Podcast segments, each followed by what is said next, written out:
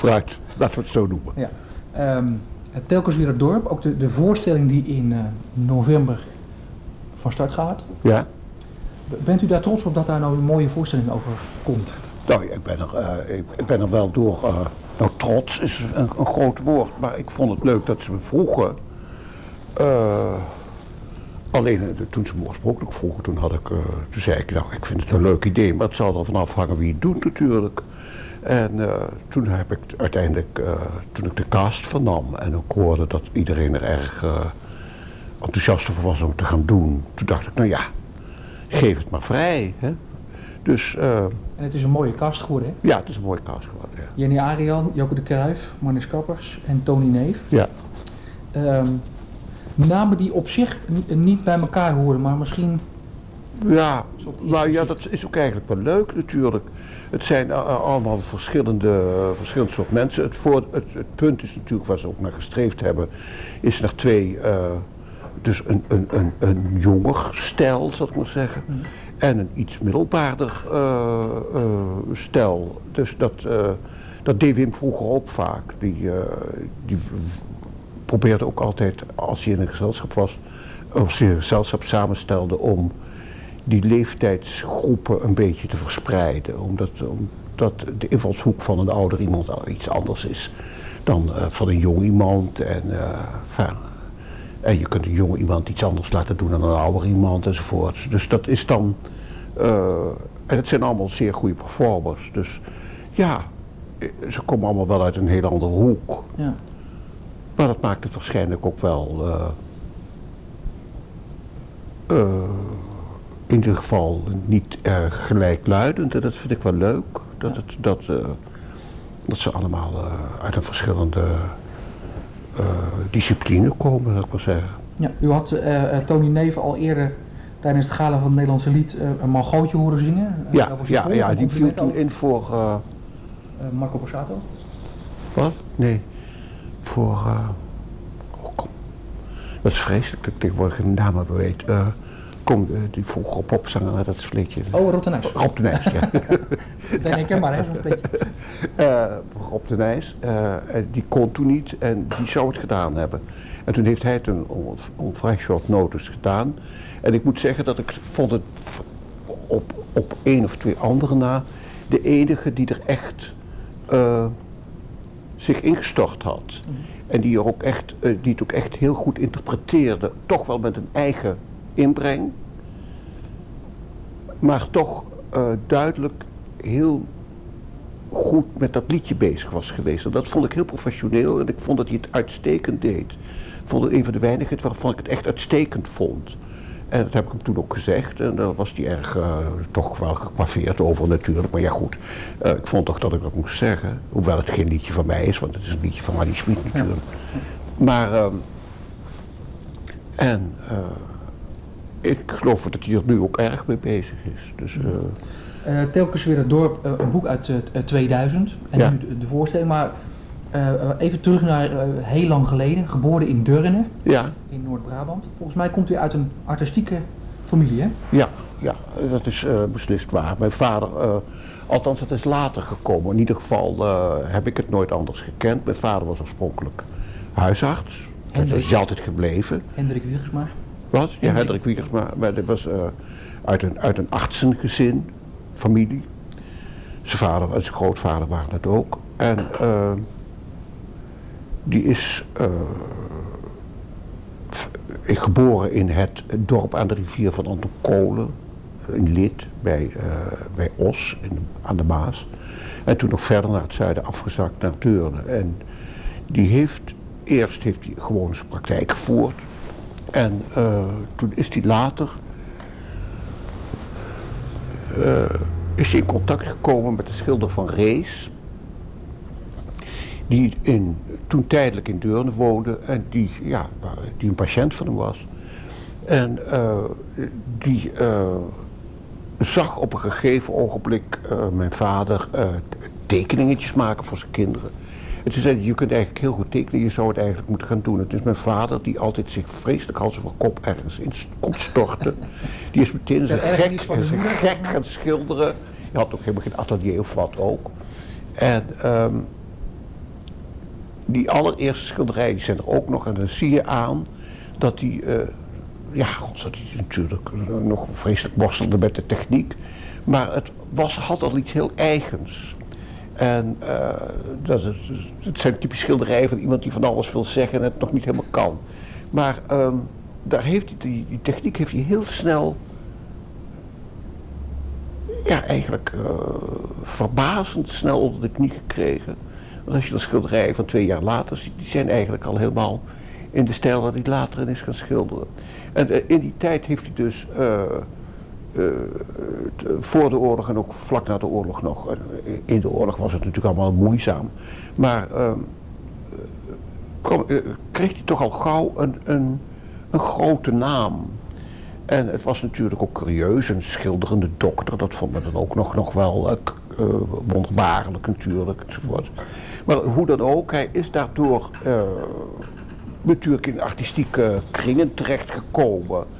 En omdat hij ook uh, uh, vignetten en, en tekeningetjes maakte voor het, voor het literaire tijdschrift De Gemeenschap, kwam hij ook in aanraking met uh, literatoren, met veel dichters.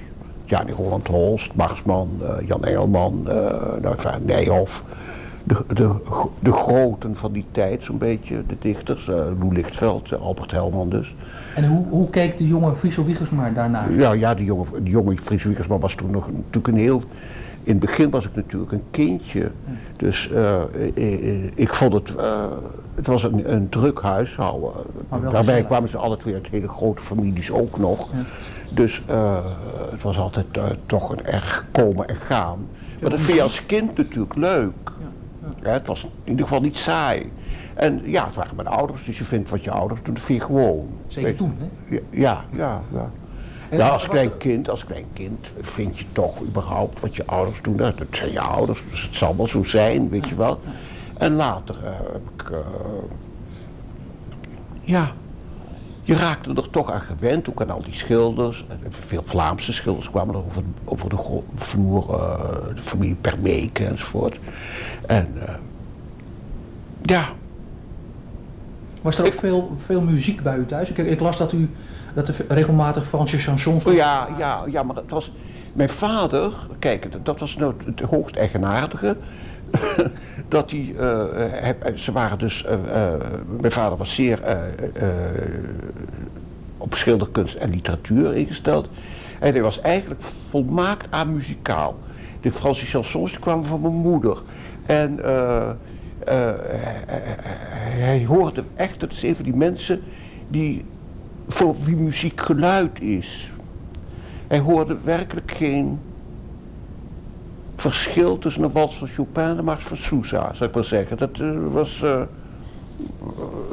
als hij heel erg goede zin had, dan hoorden we hem wel eens wat zingen, dachten wij dan. Stonden wij op de hoek te luisteren, wat zingt hij nou toch?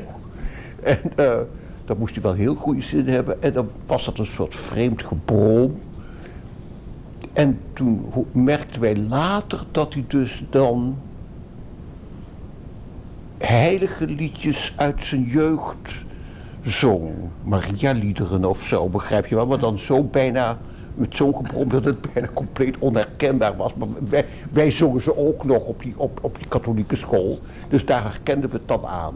Maar uh, uh, de, de, de de muziekkant die kwam van mijn moeder, ook niet extreem, maar die was toch wel muzikaal en die luisterde en die ging naar concerten, enfin, zoals men placht te doen. En mijn broers en ik waren erg uh, uh, vroeg op jazz ingesteld. Dat was toen natuurlijk vreselijk bij de tijd. En ik had op de, op de middelbare school had ik een jonge Wim Spruit.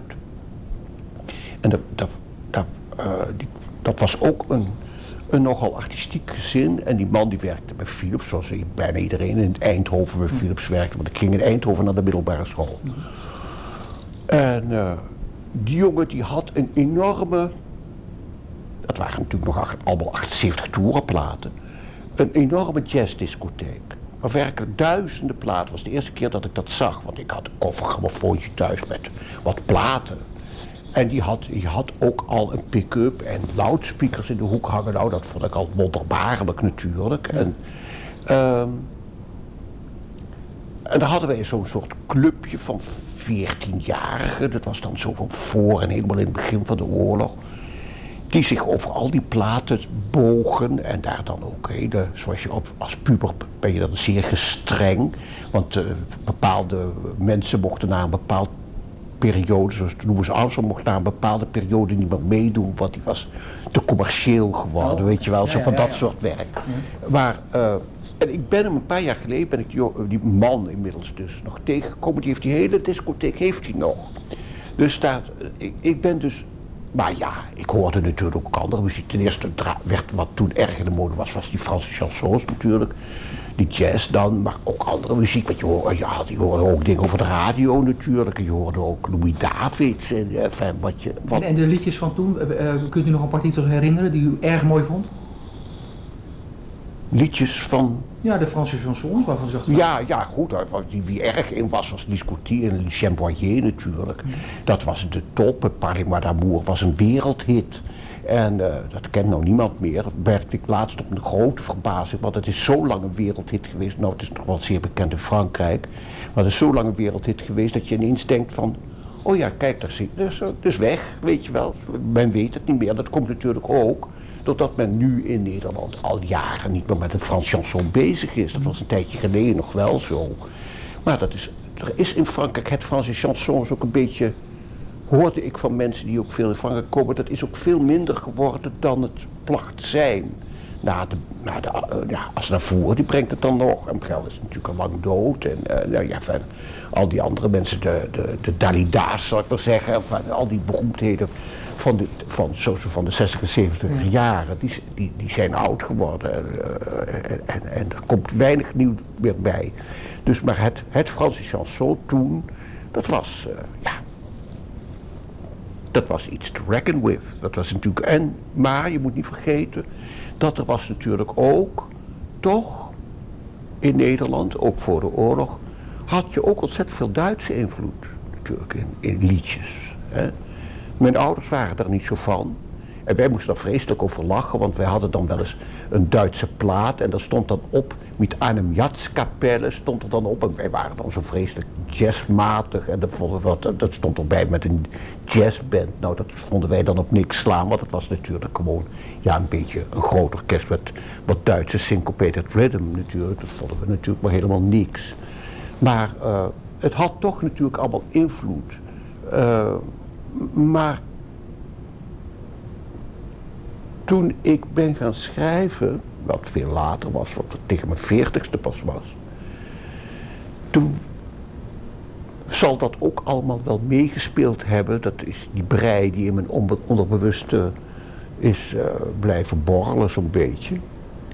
Maar waar ik eigenlijk van uitgegaan ben, is dat wij, wij lazen ten eerste lazen wij thuis, maar ik kwam ook van het gymnasium. En mijn generatie las ontzettend veel gedichten. Veel Nederlandse gedichten, ook Franse gedichten natuurlijk, en Engelse gedichten. En wij lazen dan ook de nieuwe, we kochten nieuwe bundels. Ik kan zeggen, dat kan me nog heel goed herinneren, de nieuwste bundel van Bertus Avius kocht. En de, nieuwe, de eerste Vasalis bundel enzovoort. Dat was toch iets wat je gretig las. Veel meer dan kinderen nu, denk ik. En het zal ook wel aan die gymnasiumkant gelegen hebben, die talenkant. En ik had een groepje later hier ook in Amsterdam, een neef van mij en een schoolvriend van me. Die, uh, waar we uh, uh, schertsmatige gedichten samen maakten. Weet je wel, ik zou zeggen, een gedicht over de buurvrouw in de stijl van Boutens of zo. Dat kon ik goed. Ik kon goed gelegenheidsgedicht. Ik, was, ik voelde mezelf helemaal geen dichter. Maar ik kon goed... Uh, u schreef al op verjaardagen en voor Sinterklaas? Ja, ja, ja, voor uitnodigingen, voor parties en weet ik allemaal wat. En om iemand te bedanken, weet je wel, gelegenheidsgedichten. Maar wel, uh, daar deed ik toch erg mijn best op. Het, liep allemaal goed en het had een goede woordkeus. En ik had, ik, ik probeerde zo origineel mogelijke rijmen te verzinnen enzovoort. En dat, dat, dat was het dan. Nou, verder heb ik nooit gedicht. Ik heb nooit het gevoel gehad van ik zal mijn gevoelens eens uiten in een gedicht. Uh, en Wim wist dat natuurlijk wel. En ik zelf wist dat natuurlijk ook wel. En het is dus eigenlijk een beetje eigenaardig dat in die begintijd dat ik Wim kende, want die heb ik dus in, in, in, in 1947 ontmoet. Toen was, toen was het nog een ontzettend geheis om aan goede teksten te komen. Annie bestond toen nog niet. Of was nog niet op het toneel verschenen. Bestond wel natuurlijk. Guus Vleugel ook nog niet. Uh, Michel van der Plas ook nog niet. Het zijn allemaal mensen die later natuurlijk wel voor hem geschreven hebben. Uh, ja, er waren dus nog wel, uh, er waren nog wel andere schrijvers. Ik noem ze ook allemaal in het boekje op. En dat was altijd moeizaam. Moeizaam aan goede teksten te komen. En het is wonderbaarlijk dat ik nooit op het idee ben gekomen om het zelf eens te proberen. En dat Wim ook nooit op het idee is gekomen om mij eens te vragen. Uh, om. En ik denk dat het komt omdat ik natuurlijk toen al bezig was met decors en kostuums. Dus in een heel andere discipline zat. En hij wist wel dat ik taalgevoelig was en dat ik wel leuke geheimtjes kon maken. Maar het blijft een beetje eigenaardig, omdat hij een hele heldere kijk had wat mensen konden. Hij heeft Connie, zou ik maar zeggen, op de komische uh, rails gezet. En uh, hij heeft mij meteen decors en kostuums laten ontwerpen, omdat hij vond dat ik goed kon tekenen. En dat bleek dus later, is dat ook een hele lange tijd mijn vak geweest. Maar die, die, die schrijfkant, daar heeft hij niet aan gedacht. En ik ook niet. Ik heb er niet aan gedacht, heb ik Wim nog niet aan gedacht, want ik deed gewoon, ik volgde zijn raad heel braaf op. En daar was het dan mee gezegd. Ik was een volgzaam iemand, blijkbaar. En, uh, en ik had het al druk genoeg later. Dus het is eigenlijk nooit te sprake gekomen. En later had hij natuurlijk dan toch bepaalde. De hele tijd heeft Arie toch geregelde teksten geleverd. En Michel en Guus. Dus toen werd het, wat, toen werd het makkelijker. Hoewel het altijd nog een, een hijs was om zo'n programma voor goede tekst te voorzien, weet je wel. Dat was altijd nog een, een, een heel gedoe. Dus zelf schreef ik dan de conferences. En later kwam Carmichael er natuurlijk bij. Dat was natuurlijk een reuze van, uh, belangrijke inbreng in de latere programma's. Maar het is, het is eigenlijk pas aan de orde gekomen toen hij zijn zogenaamde one-man shows ging doen, begrijp je? Toen hij van het ensemble was afgestapt na mij Verdedi. 1964 hè, was dat? Ja, ja, toen is hij met, eerst met Marijke Merkens en later met uh, Ina van Vaas. En het allerlaatste programma was met Willem Nijholt en Corrie van Gorp.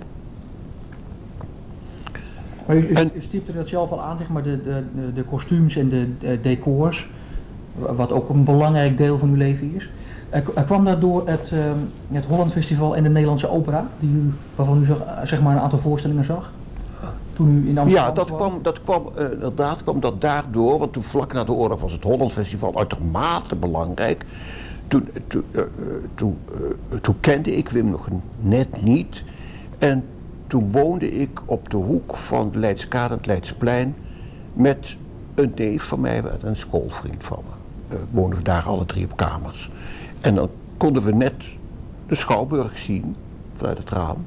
En dan zagen we, er sliepen s'nachts ook al mensen om plaats te bemachtigen. Want het was toen natuurlijk, je moet niet vergeten, na die oorlog was er een ontzettende honger naar cultuur en naar gebeurtenissen en alles wat je nieuwe, dingen. Nieuwe dingen en alles wat je in die oorlog niet had kunnen kunnen doen. Dus dat was, dat was ontzettend succesvol. En, uh, maar als er dan een begin van een rijtje begon te, zich begon te vormen, zo, zo vijf, zes man, dan holde een van ons drieën daar naartoe en dan wisselden we elkaar af.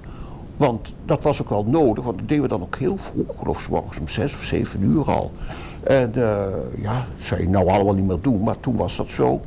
En uh, als je dan nog een, een, uur wachtte, dan stond de rij al helemaal voorbij het Raamplein. Er stond een kilometers lange rij, weet je wel. Dus wij waren er altijd, altijd een, een, een, uh, een goede uitkijkpost om uh, daar dan uh, gauw ons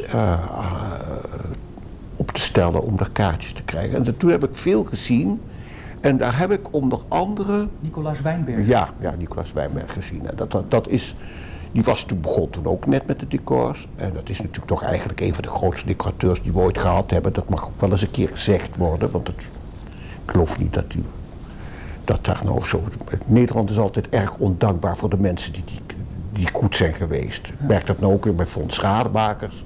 Dat is dan heel laat op de avond, krijgt hij dan eens een keer uh, een... Uh, geen, geen erkenning, hè, zoals in Frankrijk wel? Nee, nee, nee. Of in Italië. Ik zou maar zeggen, iemand als Visconti in Italië, dat was een maestro, begrijp je wel. Ja. En dat, uh, dat bestaat hier niet. Weet je, wel altijd, maar als hij dan een, een mindere film maakt, dan oh, oh, oh, oh, kan wel wat beter, begrijp je wel. En ik zie dan ook, het was, het was dan ook uh, op dat, uh, er was een ongelukkig trapje naar het toneel. Maar hij hield een enorme leuke speech, maar wat zegt dan een krant? De oude rademaker strompelde het toneel op. Daar word ik zo kwaad van. Dat vind ik zo onhebbelijk. Ten eerste is hij, hij is wel oud, maar hij strompelt helemaal niet. Het is nog een hele kwieke man. Wat een ongelukkig trapje. Ze had een betere trap neer moeten zetten, verdomme, denk ik dan. En, en, en, en dan wordt er niet vermeld dat hij een, buitengewoon leuk speech hield. Weet je wel, dat is typisch Hollands. En daar word ik altijd heel kwaaiig over. En dan denk ik, godverdorie zeg. Enfin, uh, dat is een sideline nu. maar u heeft veel met Fons Rademaker samengewerkt, veel Ja, ik heb de hel, bijna de helft. Bijna de helft. Vijf films gedaan, dus hij heeft elf films gemaakt. Bijvoorbeeld Dorp aan de Rivier, over uw opa, verhaal. Ja, Dorp aan de Rivier. Dat heeft hij eigenlijk door mij, uh, heeft hij, is hij op dat idee gekomen. Toen is hij met het, met het boek naar Klaus gegaan. En toen heeft Klaus daar een het verhaal over gemaakt. Ja. Het scenario over geschreven. Maar, die, de, zeg maar uh, uh, u, u, kon mooi uitkijken op de Schouwburg in Amsterdam. En naar het Holland Festival en Ja, en die, en die opera, die Nederlandse opera, die was toen heel nieuw. En die deed ook vertaalde opera's, weet je. En uh, die had toen uh, de Entführung im Serail en uh, Hofmans Vertellingen, dat waren twee van de topproducties van, van Wijnberg. Die zagen er prachtig uit. En ik had in de oorlog natuurlijk vrijwel geen toneel gezien. En wij woonden natuurlijk ook niet dicht bij het toneelgebeuren in Deurne daar, weet je wel. men ging dan wel naar Corruis kijken of zo. Maar nou, daar was helemaal niks aan te zien. Want die huurde altijd bij een of andere verhuring richting een of andere lullige kamer. En daar speelde zich dat in af. Dus dat was het soort decors wat ik gezien had. En ik had me eigenlijk nooit iets voorgesteld dat een decor ook nog iets anders kon zijn. En toen ineens zag ik daar een toverachtig gebeuren, want het kon Nico, die kon dat heel feestelijk en... en was dat een soort openbaring? Of? Ja, dat was een echte openbaring voor hem. Ik had nooit zoiets gezien. Maar had ik dat moeten zien? Voordat toen de oorlog begon was ik veertien. Weet je? En, en, uh, en in de oorlog uh, heb ik misschien eens één stuk per ongeluk gezien. En films had ik natuurlijk. En in de oorlog zag je ook al bijna geen films. Want je ging als goede Nederlander al niet, naar, niet naar Duitse films en zo. Nou, dus het was een openbaar, was heel kleurrijk en inventief en, en geestig en, en met changementen bij open doek en valluiken. De vent, daar was hij altijd dol op. Dus dat, dat en, en met hele uh, mooie kleurrijke kostuums en zo. En daarna zag ik ook een voorstelling van Catherine Dunham, dat was een, een, een, een, een, zwarte groep van Caribiaanse mensen. Caribbean Rhapsody. En dat was een beroemde danseres. Ze zit ook nog in bepaalde showfilms uit Hollywood. En die had een groep. En dat was dus allemaal erg, uh, ja, ik zou maar zeggen, rumba-achtige ritmes en zo. En die mensen zagen er natuurlijk prachtig uit, want die zwarte mensen waren, zagen er prachtig uit. En ik weet toch wel, was een opening en dan kwam zij op in zo'n, in zo'n, uh, ja, wat zou ik zeggen, Car Caribiaans kostuum met allemaal uh, uh, volants in allerlei kleuren en een, soort uh, Miranda-achtige hoofdtooi op waar, waar een, een, hele stapel kooien op stonden met vogels erin en een grote sigaar in de mond. Nou, ik vond dat geweldig. Ja, dat was natuurlijk echt, oh. Het was natuurlijk echt, ja, showbiz, maar van, van een zeer hoge orde. Dat heb ik drie keer gezien, dat weet ik nog heel goed. Enfin, al die dingen, daar had ik het, daar, toen ik Wim, toen kende ik Wim inmiddels al, toen had ik, en ik had het daarover. En uh, met groot enthousiasme. Ja. En toen, en toen, zei hij, nou, waarom probeer je het zelf niet? Dat ja. was eigenlijk het begin. Ja. Uh, de 47, hè, de eerste ontmoeting met Wim Sonneveld. Was dat bij de artiesteningang van het Leidse Pleintheater? Ja. Ja, ik, was, ik, ik raakte enorm verliefd op hem, op een onzinnige manier, want ik kende hem helemaal niet. En, toen, en ik wist van niks. Maar was natuurlijk, ik was natuurlijk toch een, kind. Ik was 22 zeg. En was het ik wist niks van artiesteningangen. Nee. Kende ik helemaal niet. Dus toen ben ik acht keer op de eerste rij gaan zitten. En het Leidse Theater was heel klein. Dus als je op de eerste rij zat, dan zat je hier en stond hij daar op de tafel, bij wijze van spreken. Dus uh, daar ontstond na de derde keer, merkte ik wel een soort commotie op het toneel van de Heiden weer. Dat merkte ik wel. Maar uh, fijn, pas bij, en toen, toen ik aan de achtste keer toen was, toen dacht ik, ja, nou moet er toch iets gebeuren. Maar wat mijn centen waren op. Wat was het dan? Wat, wat, wat sprak u dan was het, waren het zijn ogen of waren het zijn... Oh ja, nou ja, ik vond het, ja, dat zal ik waarschijnlijk de attractie van het toneel, maar het was een uitermate knappe man natuurlijk. En ik vond hem, uh, ja, hij was elegant en leuk en witty en uh, ja, hij zag er goed uit. En, en dan die sauber van het toneel erbij natuurlijk, dat zal het allemaal wel geweest zijn. Ja, waarom raak ik iemand verliefd? Ja, oh. Uh, dat is het geheim des levens. was het liefde op het eerste gezicht? Of? Wat? Was het liefde op het eerste Ja, het was echt liefde op het eerste gezicht. Ja, ik was echt een goed voederen. Had ik voor Zoals je dat op je 22e kunt hebben. Ja, was nog jong natuurlijk. En toen moest u, en u zou u, uh, zeg maar, hem ontmoeten? Omdat het ja, en toen heeft hij me een briefje doen toekomen, ook hoogst romantisch, door de oefreuze. Want iedere keer als ik bij die kassa kwam, dan zei hij van de kassa, u schijnt het erg mooi te vinden. Nou ja, Enfin, en uh, toen op een gegeven moment dacht ik, ja, dan moet er iets gebeuren, want er nou, mijn centen raakte op. Ik dacht, ja, ik kan, niet eindeloos, ik was toch maar een arme student, dus ik, je moest daar toch voor betalen. Ja, het was natuurlijk ook in verhouding met nu allemaal de peanuts, maar je leeft ook van peanuts natuurlijk. Enfin, toen heeft hij een briefje toe toekomen en toen, en toen bij de artiesteningang, toen dacht ik, heb ik nog bij de kassa, waar is de artiesteningang? Ik wist helemaal niks van artiesteningangen. Enfin, het, het, was om de hoek. Toen hebben we daar elkaar ontmoet. Nou, dat is het begin van de affaire geweest. En uh, ja, uh, dat heeft dus lang geduurd. Klinkt het meteen of niet? ja, meteen... ja, ja, ja. Het, het, is, het is gegroeid. Het is gegroeid. Uh, kijk, en ik heb het later, uh, toen uh, want ik ben nou met, met mijn huidige vriend Hans van der Woude, ben ik langer dan ik met Wim geweest ben. Wij zijn, we kennen elkaar bijna 30 jaar en met Wim ben ik 26 jaar geweest, wat ook een respectabele tijd is.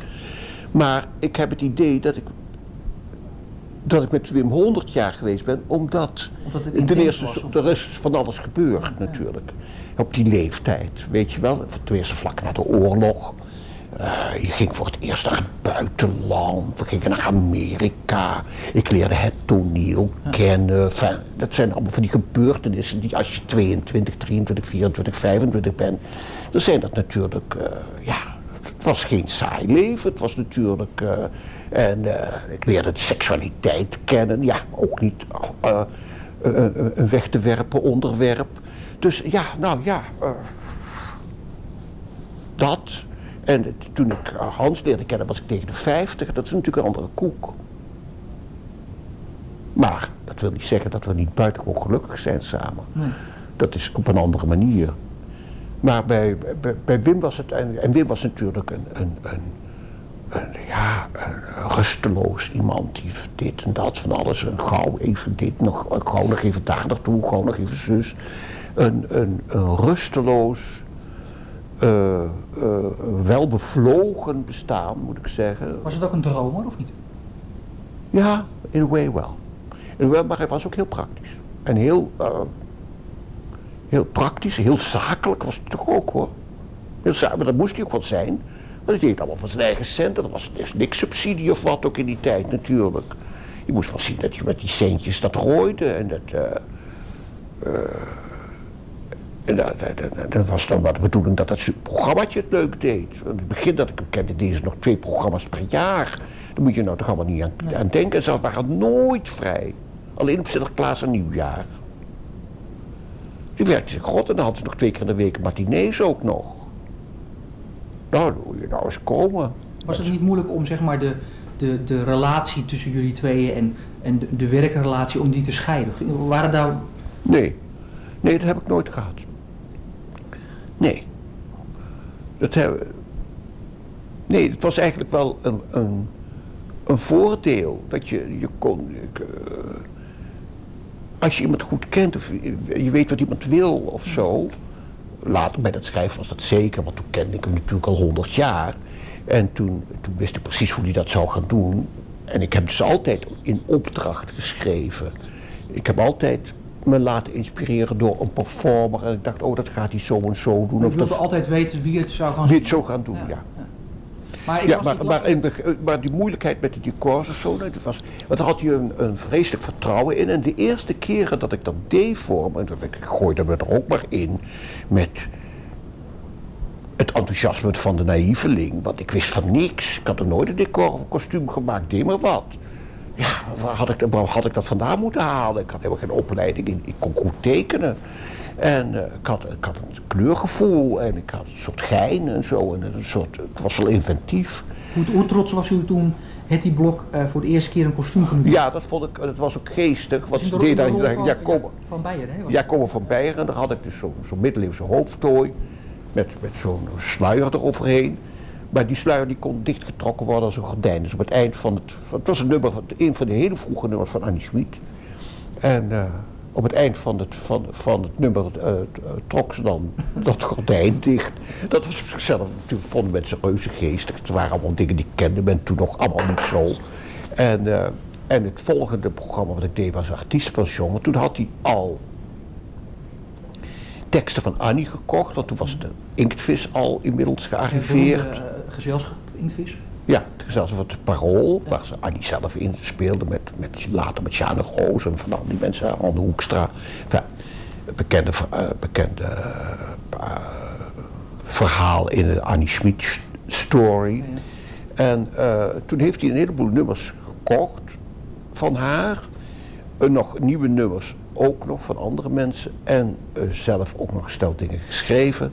En toen heeft hij daar eigenlijk een soort, zou je nu zeggen, een soort musicaltje omheen geschreven. Het had een verhaal. Dat deed ze anders nooit. Want vroeger, die cabaretprogramma's waar als je nou, dan kwam Wim op bij een cabaretprogramma. En dan gaat, Annie, uh, dan, uh, dan gaat Connie Stuart een Frans liedje voor u zingen. Het gaat over een meisje van blablabla. Dat werd allemaal nog keurig uitgelegd ook. En, bedoel, en het is van een soort lulligheid die, je, ja, die toen heel gewoon was. En, maar dit was, hij, hij wou altijd iets anders. Dus ik dacht, oh, ik schrijf gewoon een verhaal. En het speelde zich dus af, zoals de naam zegt, in een artiestenpension. Dat was natuurlijk een heel gemakkelijk uh, uh, manier om verschillende mensen bij elkaar te brengen. En uh, ik had daar een decortje voor verzonnen Waar ik achteraf dacht, god, dat is eigenlijk best een grappig idee. Want het was een, een, een, een want het moest allemaal op dat kleine toneel van, van het Leidsplein Theater. Het was een minuscuul kamertje. En daarin had ik, uh, had ik een systeem verzonnen. Dat waar op het één punt in de ene kamer een deur zat, in de andere een raam uh, zat er ineens in plaats van die deur een haard. En op het raam zat ineens een deur. En het werden de meubels gewoon verschoven. En kwam een andere. Dus die kamertjes veranderden telkens. Dat was eigenlijk heel inventief voor iemand die nooit iets gedaan had. Maar ik was wel inventief. Ik was, en een van de... Nou, en al, die liedjes van Annie, die hadden een buitengewoon groot succes. En een van de, de grote successen was een nummer, dat, deed, uh, dat was niet van Annie, dat was een verzinsel van Wim. Deed Wim en Connie en Lia en Albert Mol, die daar ook in zat, die deden een, in dat artiestenpension zat ook een Spaanse dansgroep. Dat was toen ontzettend in. In die 50s is waren Spaanse dansgroepen, waren fantastische dansgroepen. José Greco, Carmen Amaya, uh, Teresa Luisillo, noem maar op. Dat waren allemaal hele wereldberoemde groepen die kwamen hier allemaal. Dat was een soort explosie van Spaanse dansen hier toen gaande. Dus iedereen kende dat. Dus Wim zei, oh, dan moeten wel Spaanse dansers in. Dat, uh, dus ineens zag, zag dat publiek hun met allemaal grote zwarte pruiken op en in een kamer die vol wasgoed hing en zo, weet je wel. Erg. Dat was niet echt. En uh, Gaat maar gewoon door. Uh, gingen vreselijk uh, oléachtig in de weer. Nou, en dat was, dat was een tophit. Ik weet nog dat, dat, dat Carmeel die sprong op de stoel en begon olé te roepen. dus het was, het was, eh, op de première was dat een dolle troep. En dat programma was ook een reuze succes. En uh, dat werd bij een decortje ook vreselijk geprezen. Dat vond ik natuurlijk reuze leuk, want ik was, een, was ik, uh, 25 toen. En, uh, nou, en toen ben ik daar via, via Wim, en daarna heb ik nog het pantomime gedaan en zo. En toen ben ik via Wim, die heeft me toen geïntroduceerd bij Jan Teulings, weet ik nog wel, die voor, die voor het hele beginnende Nederlandse comedie een stuk met Meri ging doen, met Meri Dressluis. En dat was mijn eerste toneeldecor. Toen ben ik, heb ik heel veel voor vooral heel veel Nederlandse comedie, voor de Haagse comedie, ook wel voor de opera, voor het Rotterdamse toneel. dat is een ander verhaal. mooi beschreven in het, in het boek. Als u, als u dan de, de lijst ziet van de ontwerpen van film en een enorme waslijst, hè? Ja, het is een enorme waslijst. Toen ik het zag, een vriendin van mij heeft dat allemaal ja. vlijtig vergaard. En toen ik het zag, dacht ik, lijkt wel gek geweest, zeg. Ik, uh, heb toch hard gewerkt. En uh, het was ook allemaal... Uh... Was het altijd even leuk of was het ook... Nee, het was niet altijd even leuk. Maar ik was toch wel geïnteresseerd natuurlijk. Het was altijd... Wat ik altijd had is... Was, kijk, het was, we gaan niet altijd even leuke opdrachten. Dat kan ook nooit natuurlijk. Maar... Uh, ja, ik had wel heel sterk, kijk, uh, Wim verdiende goed, toch, hoewel uh, dat heel wisselend was, want ik heb hem in de tijd dat ik hem kende was twee keer failliet. Maar goed, uh, we konden ons toch behoorlijk van leven. Maar ik wou niet van hem afhankelijk zijn, ik wou toch mijn eigen geldinbreng hebben. Zo nuffig was ik toch, begrijp je wel? Ik dacht, ja, dat vind ik onzin onderhouden meisje wil ik niet wezen, begrijp je? Ik wil toch mijn eigen, uh, mijn eigen geld inbrengen. En ik werd voor die tijd goed betaald. Ja, nogmaals, die bedragen die je nu hoort, maar dat is net als bij de voetballerij. Het is allemaal niet te vergelijken. Maar goed. Um, had u, had u heel veel respect afgedwongen, zeg maar? Of uh, hoe, uh, hoe keken mensen tegen u aan? Dachten ze van nou, Fries Wiegers, maar als ze die vraag... Nee, dat, kijk, een decorateur dat zei mensen niks. Nou, ja, bij het toneel wel, bij het toneel wel. Ik was een gezocht decorontwerper. Ik kreeg belangrijke opdrachten. Ik, ja, ja, ja, maar goed, maar bij het publiek, dat, moest, dat was alleen bij mensen die dus vreselijk met toneel bezig waren, in crowdmensen of zo. Daar, daar was ik dan wel een bekende figuur, weet je wel. Maar voor het grote publiek zegt dat niks. Nou, nog niet. In Frankrijk had je, had je dat veel meer. Dan had je mensen als Bérard en Jean-Denis Marclay en dat waren echt denderende namen. Wakiewicz maakte de decors voor, voor, voor films en voor balletten en zo. Dat waren echt, maar dat waren andere landen, dat waren echt grote namen. Ging u ook regelmatig naar Frankrijk? Ja, Wim ging heel veel naar Frankrijk. Wim was natuurlijk vreselijk francofiel. Ja, ja. We gingen heel veel stukken zien. Later toch ook veel in Engeland natuurlijk. En, uh, maar goed, uh, toen heb ik, uh, het was niet allemaal even leuk, maar wat ik wel altijd gehad heb, is dat ik dacht van, nou ja, is nou niet zoveel eer aan te behalen dit decor. Ik zou maar zeggen, separate tables wat in een mies Engels pension moest spelen. Ja, wat moet je daarmee? Weet je, en dat moest dan ook eigenlijk vaak nog betrekkelijk realistisch gebeuren. Kijk, er waren stukken die kon je met een, die leenden zich veel meer tot een grotere stilering of zo, begrijp je wel. Uh, die, uh, maar echt van die realistische stukken, dan moest dan een kamertje op het toneel staan, in, in zoveel mogelijk... Uh, realistisch of zo. En dan dacht ik, nou ja, en dan ging ik me toch, dan, dan, dan, dan wierp ik me toch uh, eens even op het Engelse interieur en op wat ik wist van Engelse pensions. En dan dacht ik, oh ja, dat is dan wel gek. En dan zat ik, doe ik daar zo'n deurtje in, dat is typerend voor Engeland enzovoort. Begrijp je, maakt het voor mezelf maar leuk, weet je. En uh, daar had ik toch, en dat moest ik later bij films ook. Kijk, een filmdecor is natuurlijk nog iets anders dan toneeldecor. Want bij het, wat je ook doet op het toneel, het is toch altijd het eerste wat de mensen zien als het doek opgaat. Dan zien ze dat decor staan. Maar bij film is dat natuurlijk niet zo. Dan zie je bij, ja. bij stukken en brokken, zie je dat wat, wat die camera pakt. En dat heb ik erg geleerd. Het eerste wat ik deed was dus, dus Dorp aan de rivier. En dat was dus, speelde omstreeks 1906. En dat, dat kende ik van buiten. Want ik de eerste stukken die ik, de eerste, heel veel stukken in het begin, die ik gedaan heb, speelden allemaal rond 1890 tot 1910. Ik werd er gek van. Ik kon constant fancy checkledecors maken. Er waren veel stukken eh, in die tijd die in het fin de siècle speelde, ook in Engeland en zo. Dat is waarschijnlijk na die oorlog een soort... Mode of zo. Ja. Maar ook een soort hang naar de goede oude tijd, naar die ellende, begrijp je wel? Naar een soort wat frivolere uh, periode, ja, die gezien werd als leuker dan die was natuurlijk, dan ook nog.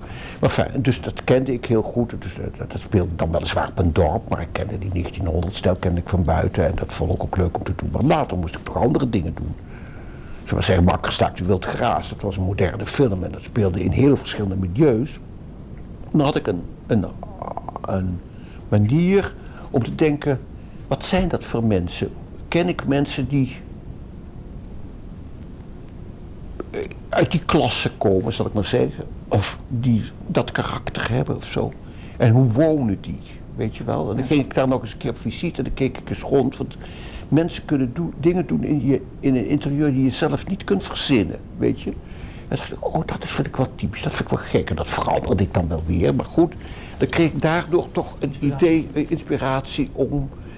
Nou ja, in die makkerstak de Wildgraaf moest dat, waren dat stel hele verschillende interieurs.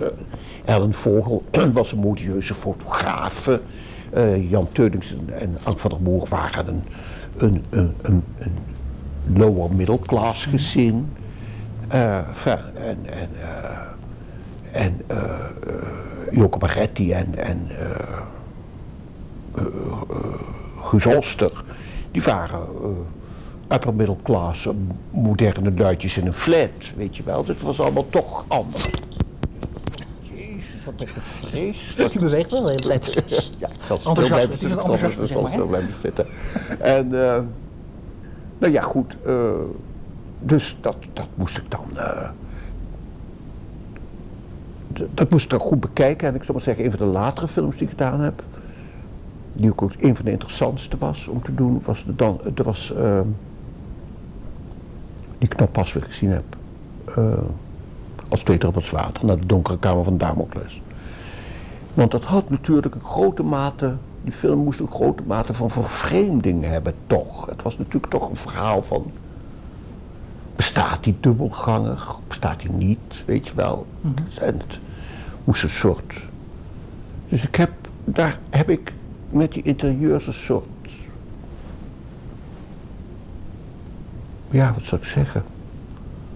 Kaligheid, vervreemding, uh, uh, uh, willingachtigheid proberen te bereiken. Wat ook in de, in de buitenshot zit, heel veel lege straten en zo. En dat, dat toen ik het terug zag, dacht ik, dat, dat ben ik dat zal het publiek zich niet zo vreselijk realiseren, maar dat ben ik toch aardig in gelukt. Daarbij heb ik de hoofdrol ontdekt. Ik heb Lex ontdekt. Want het was zo dat, uh, ik zeg nog even, ik neem maar wat koffie nog als je dat wilt. Misschien ook even schenken. Ja, neem zelf maar. Doen? Ja, een klein beetje, zo, want ik heb, zo, dat is genoeg, zo. Neem zelf maar. En uh, het was zo dat als ik met, uh, met Fons en Lili, toen, toen zijn vrouw, nu nog zijn vrouw, want in het begin was het niet zijn vrouw, het is nog Lili Veenman, maar goed. Uh, die waren altijd, die, ja, die betrokken mij daar. Ik was niet alleen de, de art director, maar ze betrokken over, ook vreselijk van de, hoe moeilijk het was om centen bij elkaar te krijgen en, uh, en uh, over bepaalde rolbezettingen. En die rolbezetting voor Tweede Zwaarder was natuurlijk uitermate belangrijk. En daar was hij vreselijk naar op zoek, naar die hoofdrol. Mm. En hij wou natuurlijk eigenlijk een naam want dat had hij natuurlijk toch. Ja, dat was natuurlijk ook eigenlijk ook zo'n goede recht. En ik dacht, ja, god, als ik een soort naam op dat affiche heb staan. Dus uh, waar dat, en hij was toen eh, onder andere met Henk van Uls bezig, weet ik wel, en verschillende andere mensen.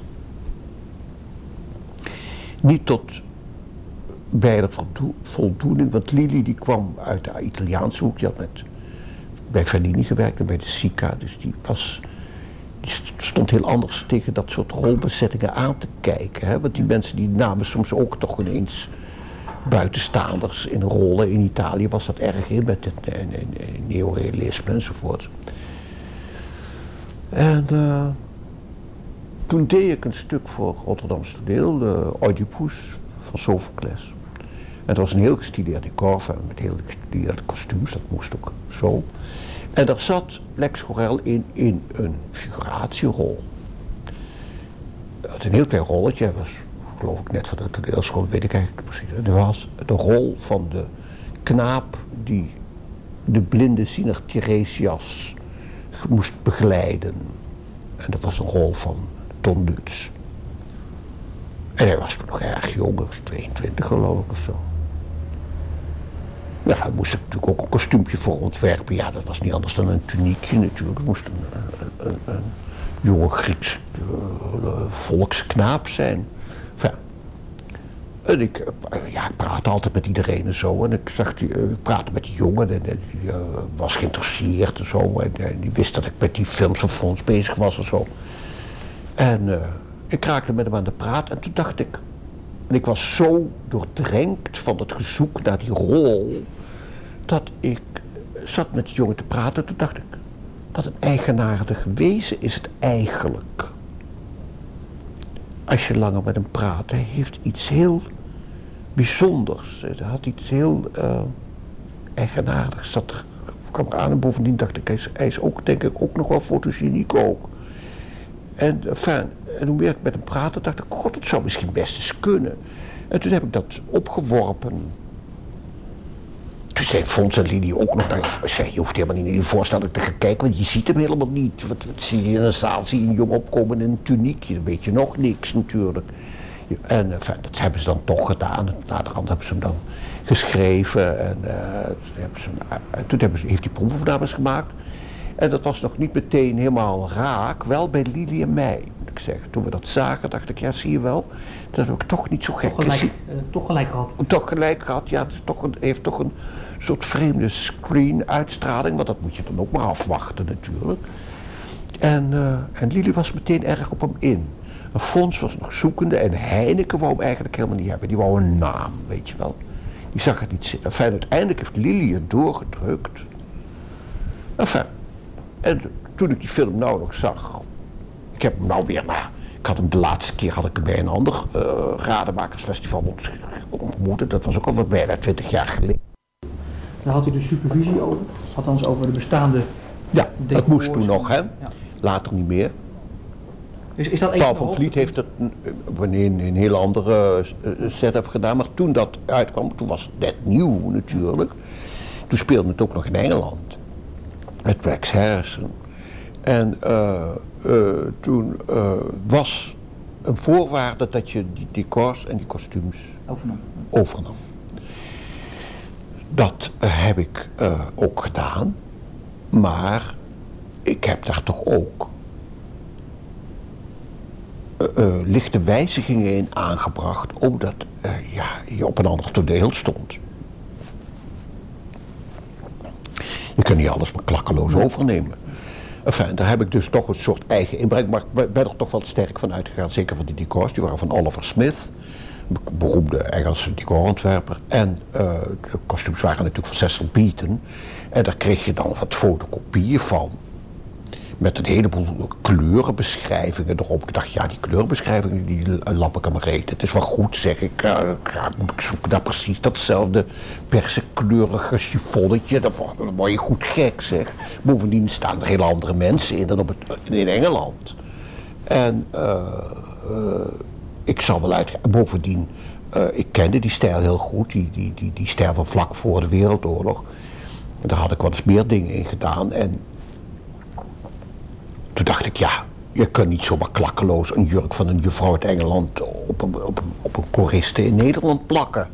He, want die, is, die heeft een heel ander figuur of weet ik veel wat. Ja, een heel ander uitstraling. Uh, ja, ja, bovendien zijn de ene dun en de ander dik en weet ik wel wat. Uh, ja. Dus ik heb dat uh, zwaar geadapteerd. En we hadden toen, ik had een buitengewoon goede kostuummaakster, mevrouw van Dam uit, uit Den Haag. Daar werkte ik heel veel mee. Die was nooit voor een gat gevangen. Die vond het heerlijk om dat te doen. Want het theater was natuurlijk een lekkere grote opdracht. En in Den Haag was er een, een, een, uh, hoe heet het nou? Nou, een stoffenzaak. En die, die, die, die kocht ook niet alleen gewoon, gewoon stoffen in, maar die kocht ook heel veel stoffen in met het oog op toneel. Want die verkochten heel veel aan de Haagse komedie. Dus die kochten ook stoffen in die helemaal modieus waren of dingen met grote ornamenten erop of met uh, ja, lamé-stoffen, weet ik veel wat. En uh, daar gingen we altijd naartoe en er was een, een, een, een, man die, dat, die daar al heel goed van wist. En dan gingen we na sluitingstijd gingen we daar naartoe en dan uh, wierp die man alle stoffen op de toonbank. Ik weet nog heel goed dat bijvoorbeeld een van de grote dingen was het bal. Ja, dat was allemaal van chiffon en kant en hele dunne stoffen. En ik zei nou, gooi alle kanten en chiffons maar op, op de toonbanken, dan zullen we eens even kijken. Nou, en dan was je gauw klaar, want dan dacht ik, nou, flits voor die, klok, en vlot voor dat. En dan, en dan past het nou leuk bij elkaar en dan, gingen we nog eens kijken en dan dachten we, nou, dat ziet er leuk uit. En dat was natuurlijk een, een, een, een, een reuze, ja, zo'n zaak was natuurlijk een godsend. Dat je daar alles kon vinden, weet je wel. Bestaat bijna niet meer. Nou, fijn, eh, toen heb ik dat allemaal gedaan. Maar er was heel veel werk aan, want er was ook heel veel frut, zal ik maar zeggen. Er was ontzettend veel aan koffiekopjes en theekopjes en verrekijkers en een hoedendoos en bloemmanden, noem maar op, weet je wel. Al dat gedoe, dat, dat, het was ontzettend veel kwam erin voor, weet je. Het was allemaal ook voor heel veel mensen. Het was niet maar voor, voor een kastje van vijf man of zo. We reisden werkelijk met technici en muzikanten. Als we op reis gingen, gingen we geloof ik met over de honderd man op reis. Ja, die hadden die allemaal kostuums nodig, maar het was een hele grote kast. Het was een heel groot decor, een heel groot uh, ballet en een heel groot koor. Nou ja, en die, eh, en, die deden allemaal verschillende rollen natuurlijk. En eh, ja, die hadden dan ook weer allemaal dingen nodig. Keukenmeid moest dan ineens een plumeau hebben, ik noem maar wat. Dat soort, dat soort dingen moest er, allemaal, moest er allemaal zijn. Daar moest je allemaal voor zorgen, al die requisieten. Dingen moesten gemaakt worden, want die vaak kon je niet vinden. Want in die kamer van hem stonden van die Edison uh, geluidsopnemers met van die toetertjes erop. Die heeft toen een vriendin van mij, die, had, die ook later, die zet van meter, die ook de troom voor Wim, voor Nicola Nelis gemaakt heeft. Die heeft die dingen allemaal gemaakt. Zo had je allemaal mensen in je omgeving waar je daar meer uit de voeten kon. Maar het was veel werk. En ik had daar ook de supervisie in dat dat goed bleef. Want uh, er ging ook ontzettend veel kapot. En dan werd dat maar eens een beetje zo wat aardig gerepareerd. Ik zag op een gegeven moment, toen had ik twee dagen niet gekeken, zag ik ineens Mrs. Higgins in haar chique serre ineens uit de witte kantine koppen thee drinken. Ik, ik vloog erachter, ik dacht, wat is dit nu? Ja, het, die kopjes waren gebroken, dat moet je mij ogenblikkelijk vertellen.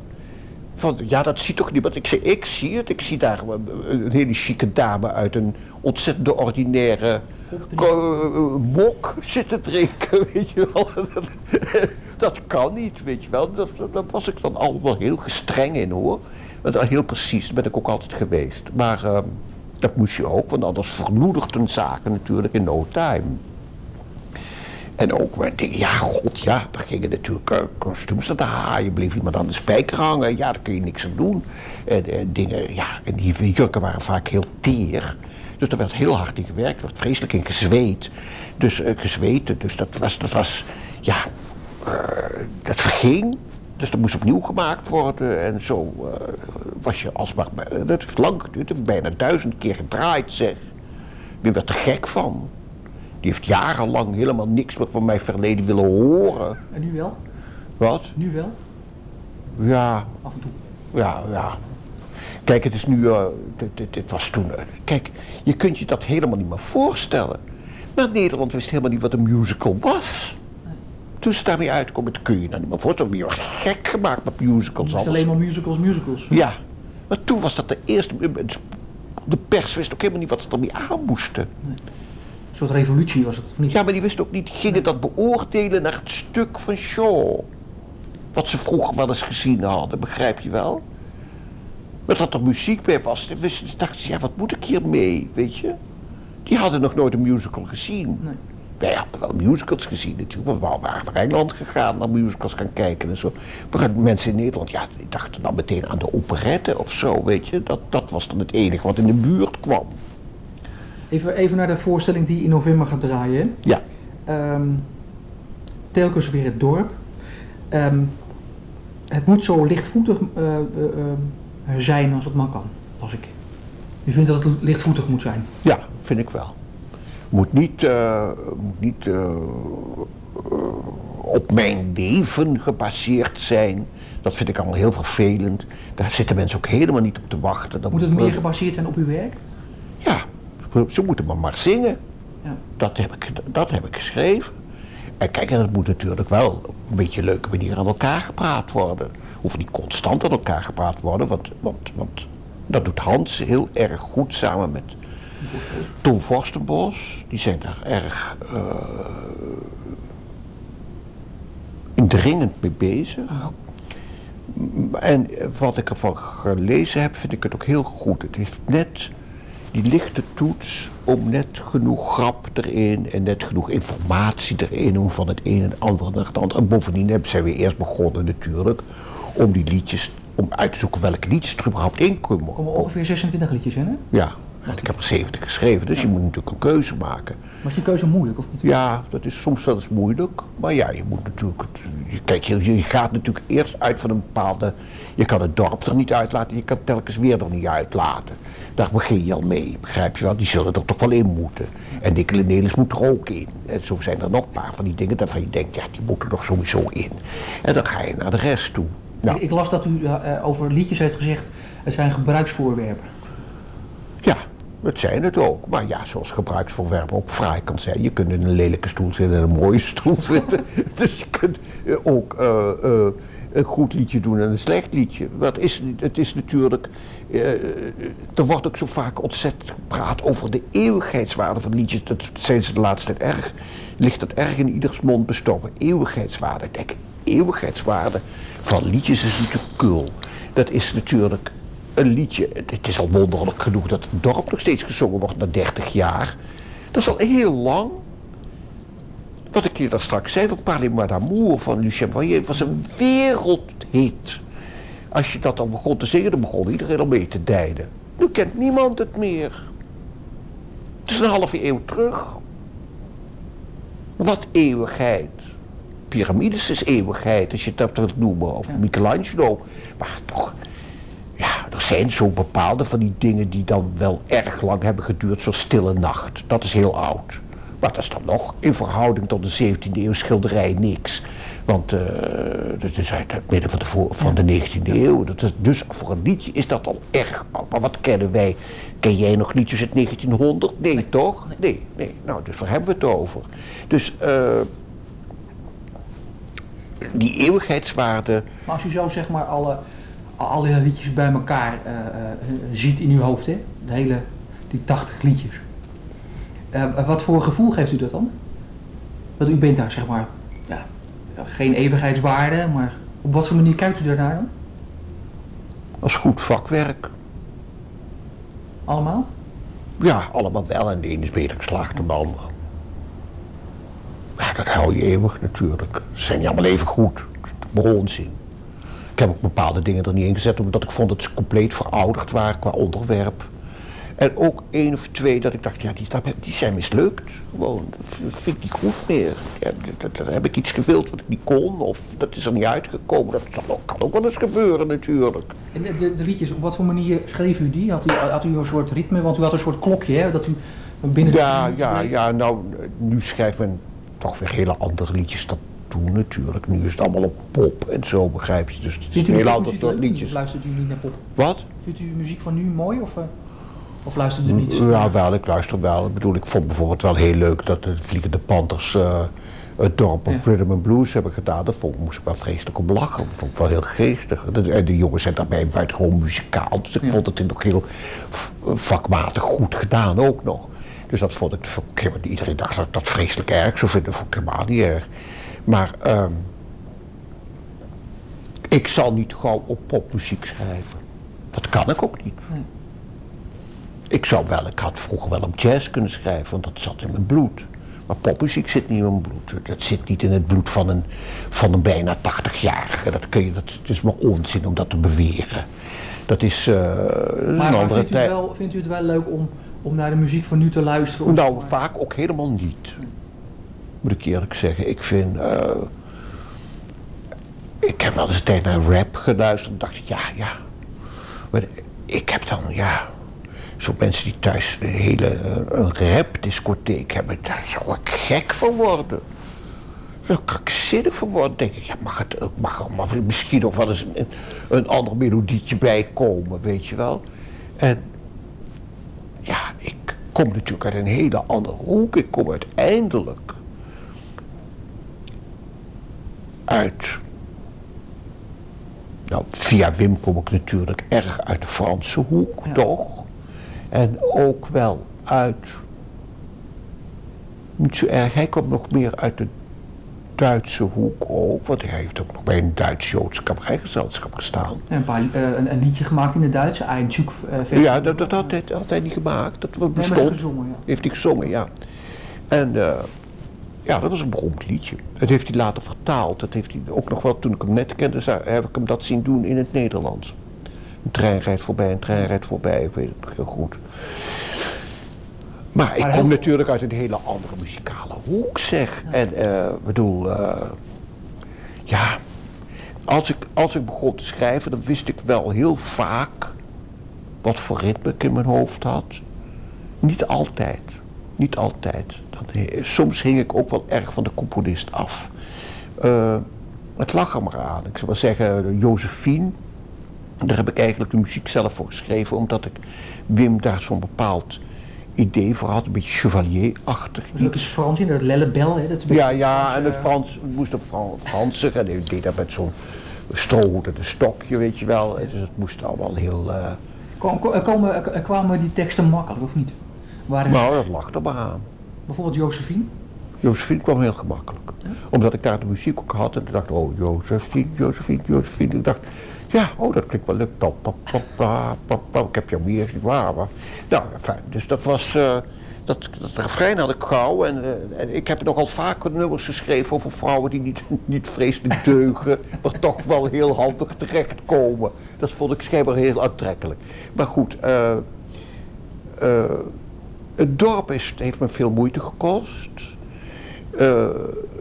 hoewel het feit dat je op bestaande muziek schrijft, wat bij telkens weer natuurlijk ook het geval is geweest. Mhm. Eh, je wel kan inspireren, maar het, het, zet je natuurlijk ook voor het blok. Je moet op die muziek. Ja. En, uh, je zit vast in een stramien waar. In een stramien, ja. ja. En, nou was het dorp, had, La Montagne was een hele prachtige melodie natuurlijk. Ja. Daar wou Wim dat ook. Maar... Toen u voor het eerst dat, dat de, de originele Franse versie hoorde van Jean Ferrat. Ja. wat dacht u toen? Vond u dat vond ik het mooi? Ja, vond het mooi. Wim wou dat ik het vertaalde. Toen zei ik, dat staat op niks, want het is natuurlijk zo'n typisch Frans onderwerp. Dus ben je, zijn we in Nederland helemaal niet mee bezig. Nee. En uh, ja, dat was wel waar. En ik had, hem al, ik had al een idee over, om te schrijven over de teleurgang van het dorp waar ik vandaan kwam. En dat vond hij, zei hij, toen heb ik al meer, heb ik vaak verteld. Die zei, dat vind ik nou een buitengewoon vervelend idee. Dacht ik, nou, vergeet het dan maar. Ik zei, nou doe ik het niet, klaar. En toen wou die, uh, toen wou die hier, dus, zei die, kun je er iets anders op schrijven? Ik zei, ja, nou ik zal wel eens denken, maar toen dacht ik, ik schrijf toch, ik zal toch proberen dat dorp erop te schrijven. En uh, je moet ook eigenlijk nooit een idee vertellen. Want dat heb je in je eigen hoofd, dat kun je toch, uh, dat moet een ander, zelfs iemand met een ontzettende know-how als Wim, die, die, die zag dat dan toch niet precies wat ik erin zag. Was hij kritisch of niet? Op uw ja, hij was natuurlijk heel kritisch, maar ja, als je een idee vertelt, soms een bepaalde idee vond ik leuk. Ik bedoel, het heel goed dat ik voor Nicola Delis het idee had van ze kon het lonken niet laten. Ik zei, ik ga een liedje schrijven met de regel en ze kon het lonken niet laten. moest hij vreselijk om lachen. Zei, ja, doe dat maar. Dat vond hij dus een geestige regel. En, uh, maar dat dorp, ja, dat zag hij niet zitten. Maar ja, ik heb het boek ook wel geschreven, dus ja, wat iemand in zijn hoofd heeft, dat is moeilijk over te brengen. Als ik, uh, als ik uh, Leonardo was tegengekomen en die had gezegd: Ik heb zo'n aardig idee voor een schilderij van een klimlachende dame, dan had ik ook niet geweten dat de Mona Lisa eraan stond te komen. Weet je? ja. Dus dat is met liedjes net zo. Enfin, ik heb dat toen dus doorgedrukt en toen het af was, toen zag je natuurlijk heel goed dat het, het is ook een van zijn geliefkoosde liederen geworden. Maar ik heb er lang over gedaan, want ik heb dat uitgebreid ook voor in dat boekje over geschreven. Dat uh, ik zat er veel te dicht op in het begin. Ik zat er veel te veel uh, persoonlijke privéherinneringen in te stoppen. En ik dacht, ja, dat kan ik nou wel doen, maar dat zegt niemand iets, want dat is wel leuk voor mij, maar wie kent Deurne? Zo, begrijp je? En uh, dus dat moet veel algemener. En uh, je was ook, dat was het voordeel van dat lied, dat, ik, dat je werd op een beperking gedwongen. En toen ben ik op een gegeven moment gaan denken, nou, het eerste couplet moet in het algemeen, moet het exposé in, wat ik me herinner aan het dorp. Het tweede moet in hoe het vroeger was en hoe het nou is geworden, aan het worden is. En het derde moet in ook de verandering van het soort mensen. Dat had ik als schema. En zo lullig ben ik toen gaan werken. En had ik allemaal losse regels. Dat kwam ook allemaal heel moeizaam aan elkaar. En toen kwam ik ineens op de regel. Thuis heb ik nog een aanzichtkaart dat mensen zeggen: Oh god, het is zo'n gouden beginregel. Toen dacht ik ja. Maar het is natuurlijk een vreselijk voor de hand liggende regel, maar zo'n regel waar je pas heel laat opkomt. Want ik had die aanzichtkaart op de benen ook nog. Dus dacht ik, waarom heb ik daar nou toch niet eerder aan gedacht? Weet je? Maar goed, dat zijn zo van die bewustzijnsvernauwingen die iedereen heeft. En toen ik dat, die beginregel had, toen begon het een beetje te lopen. Maar het is, ik heb er weken over zitten puzzelen. En ik weet nog dat ik de laatste regels me te binnen toen ik met Wim in Frankrijk boodschappen deed en de auto zat te wachten tot ik met de boodschappen naar buiten kwam. Toen dacht ik, god, het is af geloof ik. En toen heb ik het thuis opgeschreven, toen was het af. Dat het heeft, en, en, en, en, en, waar ik ook nog, dat refrein, hè. Ik dacht, er moet een algemeen geldend refrein telkens bij zijn. En toen kwam ik dus langs op tuinpad, en het tuinpad van mijn vader. En dat is eigenlijk de regel die iedereen kent. Dat schijnt toch op een gegeven ogenblik slaat dat bij iedereen aan. Want iedereen heeft van min of meer een vader. Dan heeft die vader niet altijd een tuinpad natuurlijk. Maar dat roept toch bij mensen eens iets op dat, uh, waar ze zich in waar ze in mee kunnen gaan. Want dat moet je natuurlijk toch doen. Je moet een soort dorp beschrijven. Waar iedereen die ook niet uit een dorp kan, komt, zich in kan vinden. Dat is natuurlijk het punt altijd. En als u, als u zeg maar het liedje uh, opzet, doet u dat wel eens of niet? Zet u wel eens eigen liedjes op? Zomaar? Ja. Zonder opdracht? Nee, nooit. Ik heb ook nooit enige behoefte om dat te doen. Nee. Nee, ik heb het altijd heel fragmentisch is het gegaan. Altijd in opdracht geweest. Het enige lied wat ik echt, echt voor mezelf heb geschreven is Het lachen wat we samen deden. Dat heb ik geschreven na de dood van Wim. Ja. Nee, ik bedoel, uh, zet u wel eens liedjes van uzelf op? Dat u zeg maar... Oh, op, op, op, op het draaien? Ja. Nee, dat doe ik nooit. Nee? dat doe ik nooit. Nee, nee. Hans doet het toch wel. Maar wat gebeurt er dan? Wat, wat, als u dan weer de liedjes hoort? Ja, dan denk ik, nou, dat, dat, dat is nog wel goed, weet je wel. En, uh, ja, want, ik kom wel eens bij mensen die zeggen, oh, ik wil nog eens even iets van je draaien. Nou, dan zit ik daar een beetje dom naar te luisteren.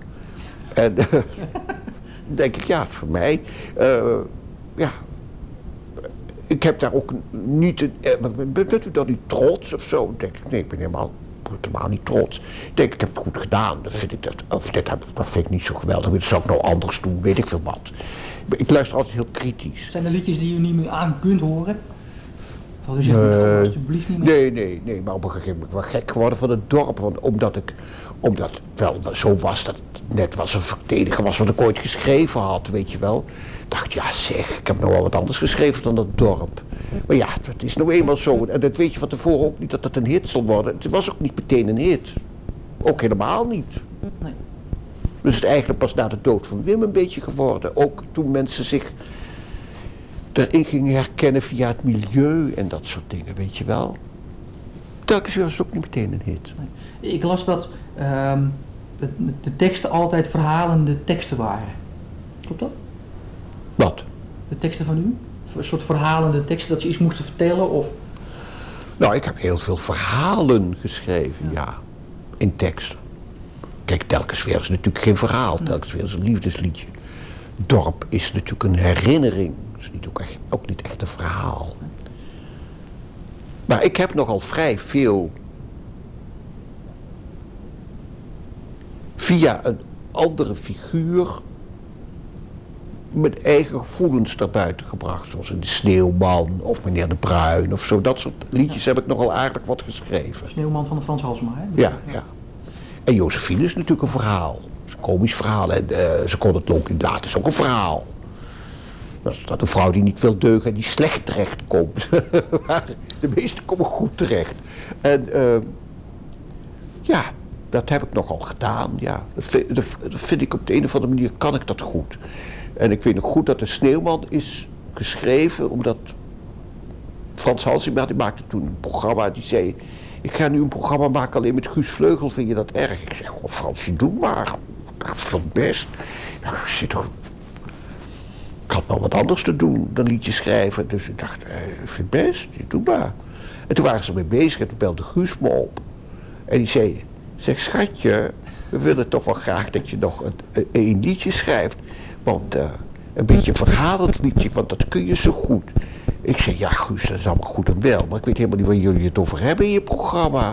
En dan ga ik daar een echt in gooien, moet maar, moet maar, leuk, eh, maar leuk erin passen.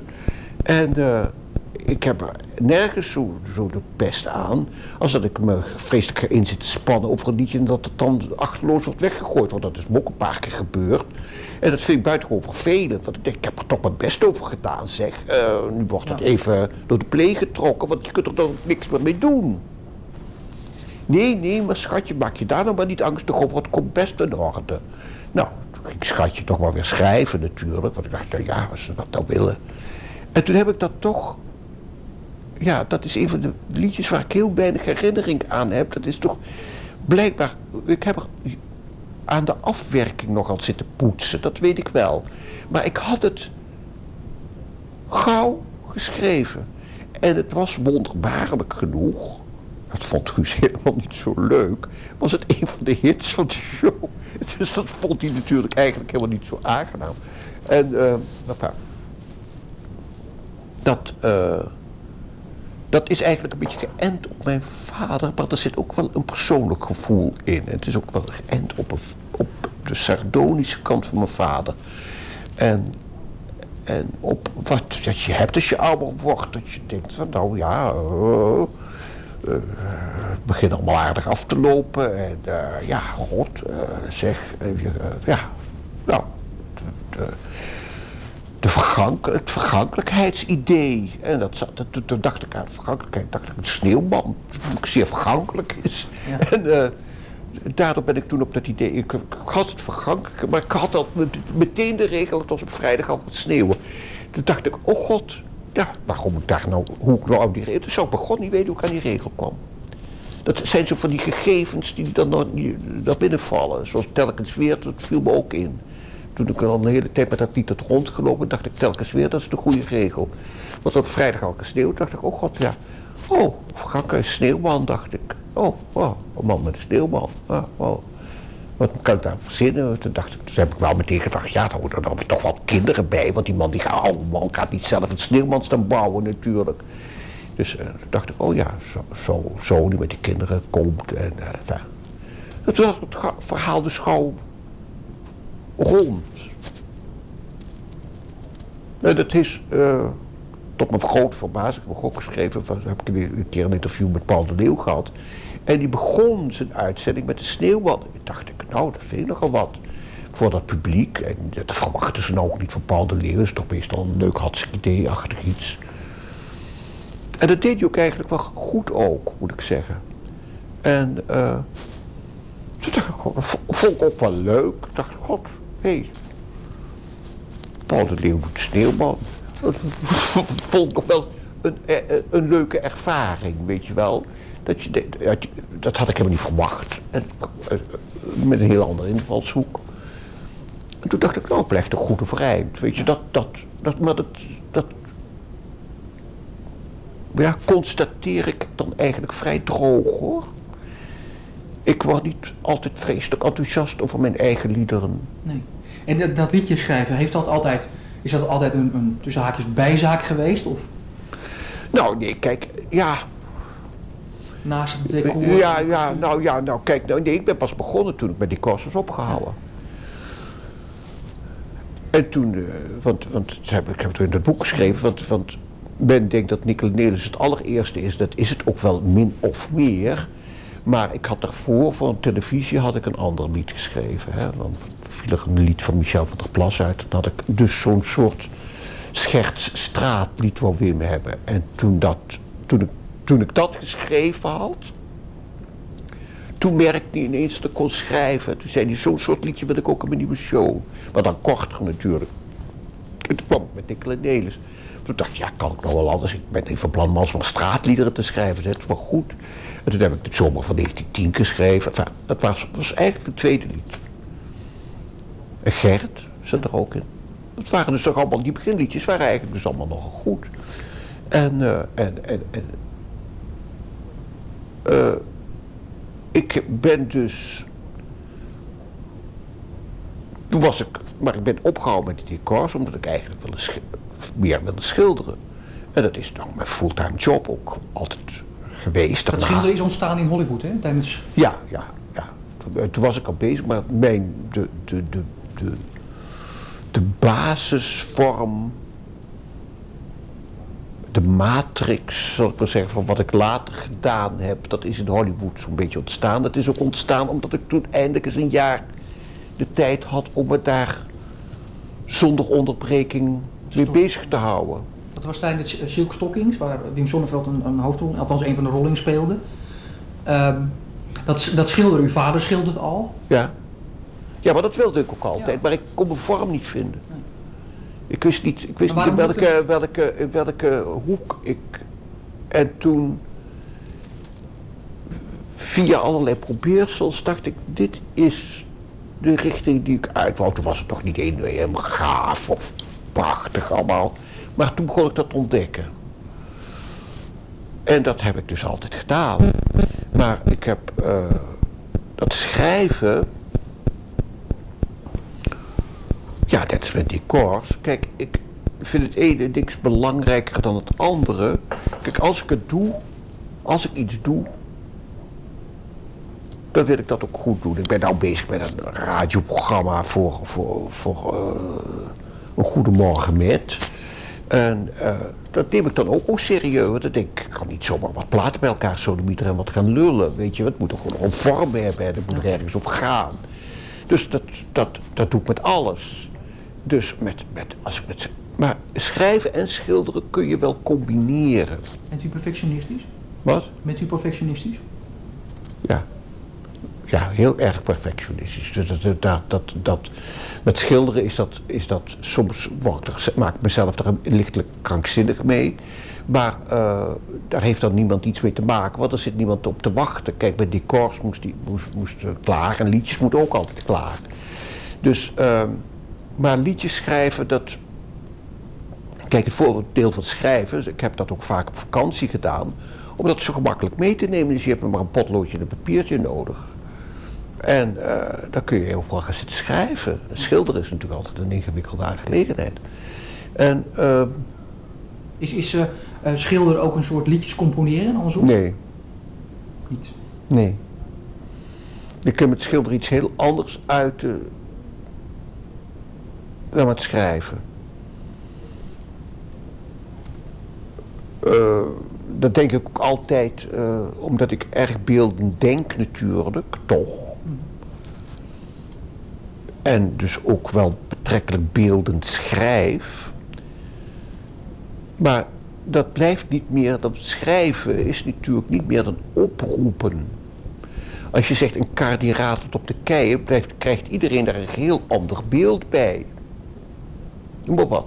Ik, en zo is dat. Dat is ook in romans. Kan, iemand kan nog zo mooi in een roman iemand beschrijven, dan krijgt iedereen er een ander beeld bij. Zou je er een foto van hem in moeten zetten. Dat is ook altijd bij verfilmingen van boeken dat mensen zeggen: God, daar had ik me nou heel iemand anders bij voorgesteld. Dat is toch zo vaak.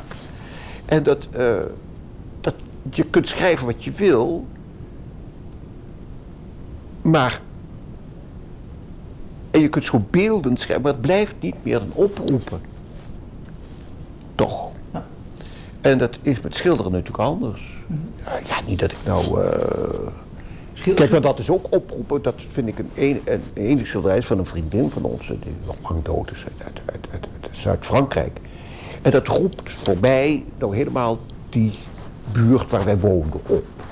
Maar een ander zal dat helemaal niet zien natuurlijk, dat is er ook nog weer zo. En dat, dat is met alles zo. Kijk, en dat, uh, nee, schilderen, maar je kunt het naast elkaar doen, juist omdat het zulke twee verschillende disciplines zijn. Decors en schilderen, ten eerste vergt die korrel veel tijd en energie. En het is altijd zenuwslopen, dat moet gauw af en En het vreet ook aan elkaar omdat het altijd weer beeldend is. Terwijl schilderen en schrijven, ik kan overdag schilderen en s'avonds aan een bureautje wat gaan zitten knutselen aan een liedje. Dat kan best. Ik kan er zelfs bij het schilderen nog wel eens aan een regeltje denken. Want het bijt elkaar toch niet. Dat kan ik wel. Ja. Uh, dat, uh, maar het is, voor de time being dat ik het gedaan heb, vond ik het belangrijk. In zoverre vond ik het belangrijk. Ik vind alles wat ik doe, moet ik, vind ik dat het wel zo goed mogelijk moet doen. Moet niet met de pet naar gooien. En uh, als ik het ook deed, gooi ik er ook in. Maar ik denk dat ik weinig meer zal schrijven. Want het hele repertoire is veranderd. Dat soort liedjes die worden niet meer gezongen. Er is ook niemand, ik zou ook niemand weten waarvoor ik. Nou, Karen Bloemen nog. Nog net. Daar schrijf ik dan van tijd tot tijd nog wat voor. Die, die komt dan nog een beetje in die richting. Maar verder zijn alle andere jongens en meiden, die zijn stand-up comedians en die schrijven zelf hun eigen repertoire. En dat zijn bijna nooit chansonniers ook. Dat is wel jammer, hè? Ja, maar, oh god, ja, maar zo gaat dat. Zo gaat dat. Alles schommelt en het komt misschien straks wel weer eens een keer terug. Ja, zo gaat dat. En dat, dat ja, uh, we zeggen, Lisbeth List dan nog, maar ja, die is ook natuurlijk al... Uh, niet meer uh, piepjong. En uh, nou, daar heb ik ook nog wel eens wat voor geschreven. En, nou ja, maar dat is te, te hooi in de gras. Maar zo iemand, kijk, zo iemand als Wim was natuurlijk, daar ben je reuze mee verwend.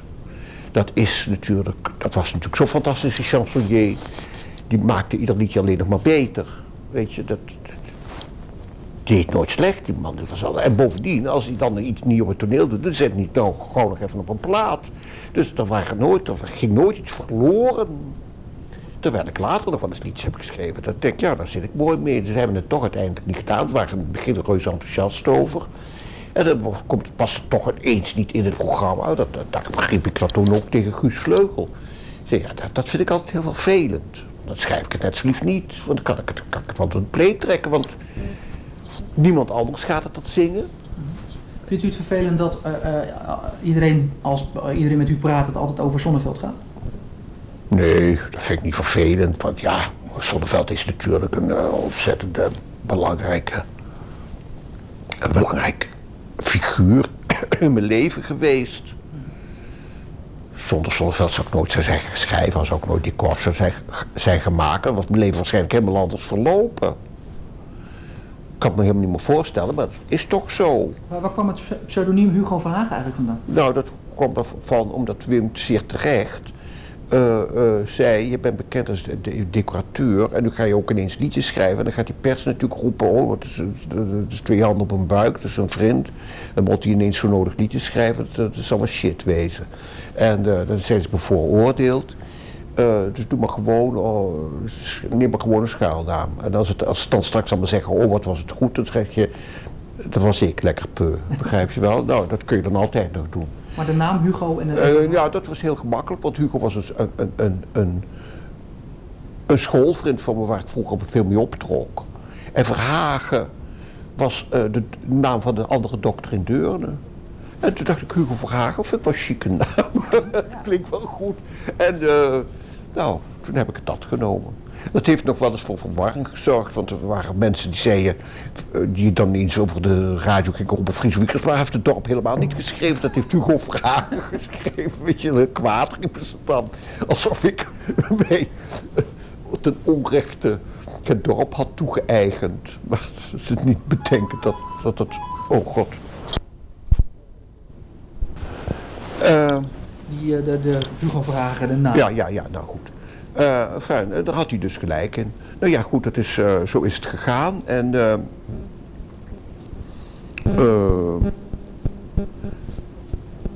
ik moet eerlijk zeggen dat, dat schrijven, zoals alles wat ik gedaan heb met decors en ook met tentoonstellingen die ik samengesteld heb, met veel met Benno Premsla ook nog. Enfin, allemaal dingen die ik gedaan heb, honderden dingen gedaan. Maar dat, daar gooide ik ook altijd met veel enthousiasme en, en, en, uh,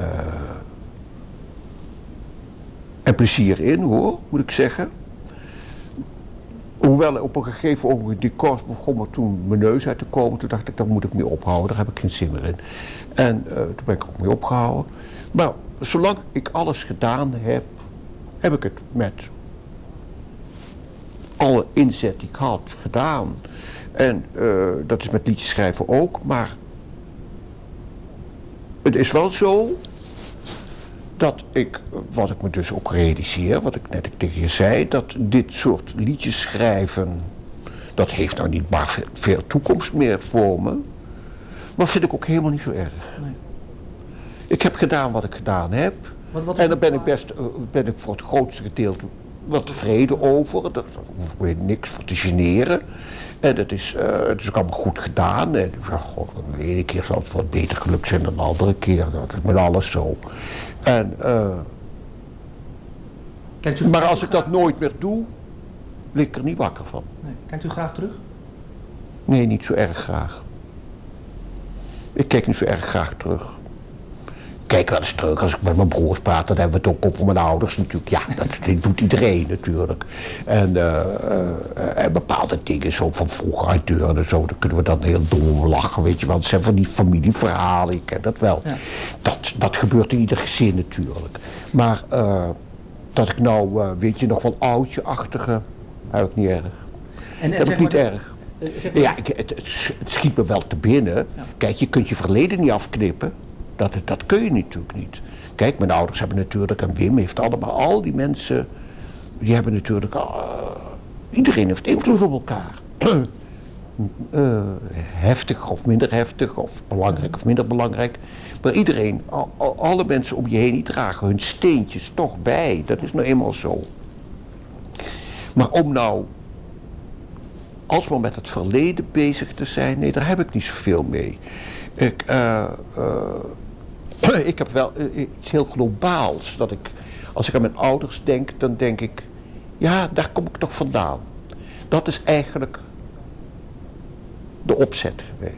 Dat, daar kom ik, uit die hoek kom ik. Dat kan ik niet meer afknippen, daar moet ik het mee doen. Mhm. Weet je, dat, dat heb ik heel sterk. En ook met de dingen die ik van Wim meegekregen heb, dat heeft hij toch aangereikt en daar, heb, daar moet ik het mee doen. Wat is nou het belangrijkste wat u van uh, Wim heeft, uh, heeft meegekregen? Is daar iets? Nou ja, kijk, die heeft me een hele andere manier van naar het leven kijken. Met ontzettend veel gein en, en, en, en, en, en, en eh, ja, dat theatrale, wat ik natuurlijk toch ergens in me heb hoor. Mm. Dat zit er natuurlijk toch wel in. Dat, uh, dat heb ik van Wim meegekregen en die heeft natuurlijk dat, dat, dat liedjeschrijver toch in me losgemaakt. Die heeft natuurlijk me in een hele andere richting geduwd dan waar ik anders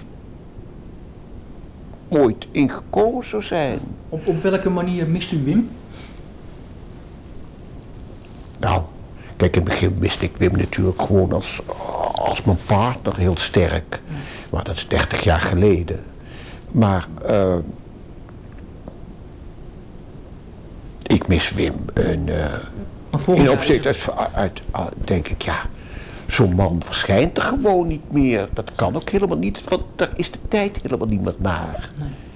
Je kunt ook niet meer, Nederland brengt nu, nu ook geen Rembrandt meer voort. Weet je, dat, is, dat, dat komt door een tijd. Er is de tijd daar rijp voor en zo'n man heeft toevallig buitengewoon veel talent. En die grijpt dat aan. En die groeit dan in die tijd. En als er nu een soort zonneveld op zou staan, dan zou die in een heel andere richting uitgaan. Want dat, die kan, kan niet meer die richting uit. Die tijd is er niet meer naar. Modes veranderen, uh, dat is nou eenmaal altijd zo. Mhm. Je... Maar het is natuurlijk wel heel speciaal dat hij, uh, volgend jaar is het 30 jaar geleden dat hij overleden is, dat hij nog steeds zo leeft. Ja, ja maar dat, dat is natuurlijk ook dat mensen toch uh, dat is wonderbaarlijk hoor. Want dat had ik nooit, en hij zelf ook niet, nooit gedacht. Nee, want ik, ik las dat hij zei, als ik dood ben, dan zijn ze me snel vergeten. Ja, dan draai ze nog wel eens een liedje. Dat is dat vak, zei hij. Dan ben je weg. En uh, dat is dus met name natuurlijk door de televisieopnames ook gekomen. Want die had je vroeger niet. Want wat kun je nou nog zien van David? Dat is een of ander lullig filmpje, maar dat is het ook op. Weet je, en dat is door die televisiedingen. Uh, en doordat hij ook zo'n fantastisch goede platenartiest was. Hij, had natuurlijk, hij, had echt een, hij was een van de weinige cabaretiers die echt fantastisch goed platen verkocht. Andere, Connie en, en, en, en, en, Lia en ook uh, Toon Hermans verkochten ook nog maar goed platen. Maar Wim Kamp verkocht natuurlijk ook niet echt goed platen. Dat, Wim was echt een, een, een, een echte platenartiest ook. Dat komt er allemaal bij natuurlijk.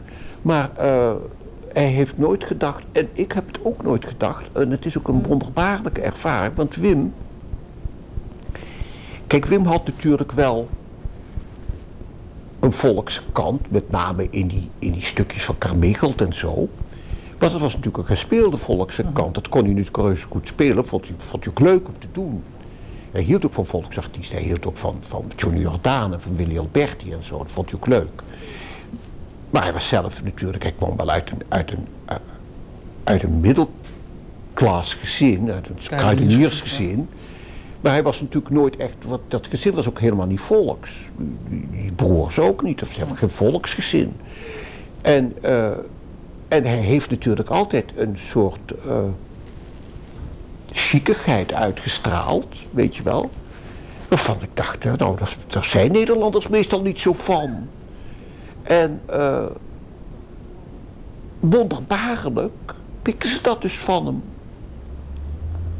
Dat, dat, dat vind ik een hoogst eigenaardig. Ook die afstandelijkheid die hij toch soms ook heeft. Want hij was helemaal niet zo van uh, vreet me maar op of zo. Dat had Toon Hermans veel meer. Uh, hij had iets heel afstandelijks. Hij was ook heel uh, teruggetrokken eigenlijk privé kon niet zijn. Hij was wel makkelijk in de omgang. Kijk, zoals veel uh, toneelmensen dat hebben, die kunnen natuurlijk een makkelijke babbel. En die hebben met iedereen wel een praatje en zo, vond hij ook leuk. Maar hij was eigenlijk een heel, een, een echte binnenvetter, toch. En dat zie je, hij is kwetsbaar. Dat, dat, dat is ook een van de punten die hem op het toneel zo attractief maakt. Dat hij zich zo openstelt, mhm. dat hij zich zo kwetsbaar opstelt, weet je wel dat hij niet hanig is of zo uh, ja. vreet maar op-achtig. En die, die, grote lyriek die hij natuurlijk had, en hij was natuurlijk buitengewoon knap om te zien. En ja, dat, dat werkt dan wel mee, maar ja, wat, wat is het charisma van iemand? Ja, dat is moeilijk onder woorden te brengen natuurlijk. Er zijn een heleboel uh, Hollywood, vrouwelijke Hollywood filmsterren, dat zijn ook niet allemaal, allemaal even grote schoonheden, maar die hebben dan wat, weet je. Nou, dat, dat is dan veel belangrijker. En uh, ja, het, uh, die, die die manier van cabaret plegen, of hoe je dat dan noemen wilt, dat mis ik wel. Dat mis ik niet deerlijk. Het is niet zo dat ik daar nog wakker van lig. Maar ik denk, ik denk van, daardoor zal ik ook niet meer schrijven. Want ik zou niet weten voor wie dat nou nog zou moeten doen. Dat is maar afwachten geblazen nu als je... In Zwijndrecht? Ja. Wat, wat wilt u dat ehm, mensen zeggen als ze naar die voorstelling zijn geweest? Dat ze een leuke avond hebben gehad. Want daar gaat het nou toch allemaal maar om. Hè? Niet van, oh, daar hebben wij veel van geleerd hoor. Uh, bedoel, uh, dat, ze geamuseerd moeten, wat? Ze moeten geamuseerd worden. Ja, nou, bedoel, kijk, je kunt op allerlei manieren geamuseerd worden. hoeven er niet allemaal hartstikke idee te zijn, dat weet je ook wel. Mhm. Dat heb ik ook een heleboel ook niet geschreven. Maar uh, dat ze geboeid zijn, of dat ze ontroerd zijn, of dat ze gelachen hebben, weet ik veel. Welk liedje zou niet... uh, nou, uh, ik zou maar zeggen, ja, een heleboel mensen hebben, het zijn veel meer mensen dan ik dacht, die iets hebben met het lachen, bijvoorbeeld. En wat is natuurlijk ook wel, ja, het is natuurlijk ook wel van heel dichtbij gevoel opgeschreven. Mm. Maar het is dan toch blijkbaar zo geworden dat andere mensen zich daarin herkennen. Dat, uh, dat is natuurlijk niet een lekker lachliedje. Dat is uh, natuurlijk toch een, een liedje wat op zijn best ja, toch zal ontroeren. Zomer van 19 kan ook ontroeren als, je, als dat goed gezongen wordt. een, van de, een van mijn liedjes waar ik erg aan hecht, is nooit vreselijk beroemd geweest. Dat heb ik geschreven voor de film die Wim toen gemaakt heeft. En dat heeft hij offscreen in die film gezongen. En dat is niemand dan wij. En daar ben ik, daar, daar hang. Ja? Op je, op je auto? Ik heb geen auto, ik ben met de trein. met de bus.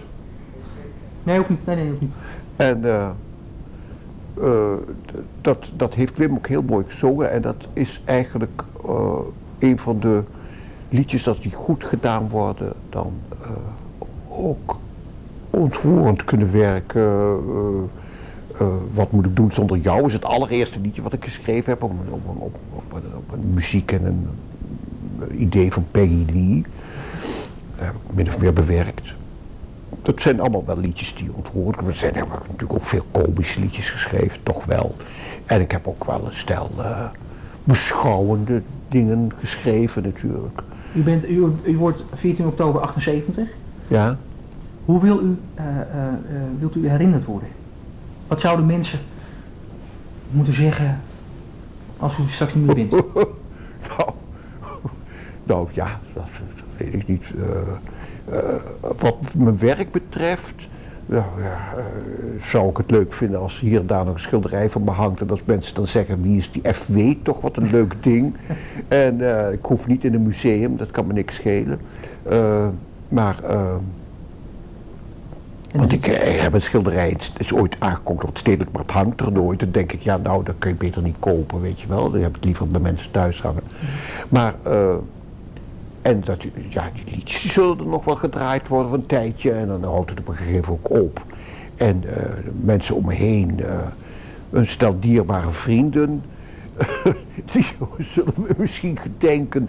Maar ja, verder weet ik niet. Ik denk daar nooit zo over na hoe mensen mij moeten gedenken. Daar denk ik nooit zo vreselijk over na. Uh, je stuurt wat de wereld in. Dat doet iedereen trouwens. Want, uh, ook al maak je niks, dan stuur je, al heb je een winkel, dan doe je dat toch ook. En uh, ja, je stuurt iets de wereld in en op een gegeven moment is, ben je weg. Ja.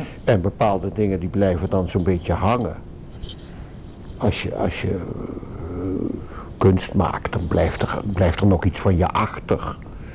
Of als je iets opbouwt, of als je een zaak opbouwt, of weet ik veel wat de Vrooms en Dreesmannen die hebben ook toch een, een, een, een, iets nagelaten. De Albert Heijnen ook, weet je. Nou ja, dus uh, je laat iets na en dat, ja. Maar welke impact heeft u gehad op het Nederlandse lied? Nou, dat weet ik Denkt u niet. niet zo? U bent volgens mij heel nuchter en heel erg. Wat? U bent heel nuchter iemand, hè? Volgens mij. Denkt u helemaal niet zo? Ja, ik ben daar betrekkelijk nuchter in. Ik ben, ik ben niet altijd zo nuchter hoor. Ik ben een heleboel dingen eigenlijk een, een, een, verkapte romanticus. Maar ik, eh, in, in, in, ik, heb, ik, zal nooit een, eh, mij voor laten staan van ik ben een artiest en kijk mij eens en jullie moeten me allemaal kennen en me allemaal bewonderen. Dat heb ik helemaal niet erg. Eh, ik, vind, ik vind het wel leuk als iemand het leuk vindt. natuurlijk. Ja, natuurlijk. Vind je, als iemand zegt, god, wat vind ik dat een leuk schilderij, of wat vind ik dat een leuk liedje, natuurlijk vind je dat leuk. Ja, ik ben ook maar een mens.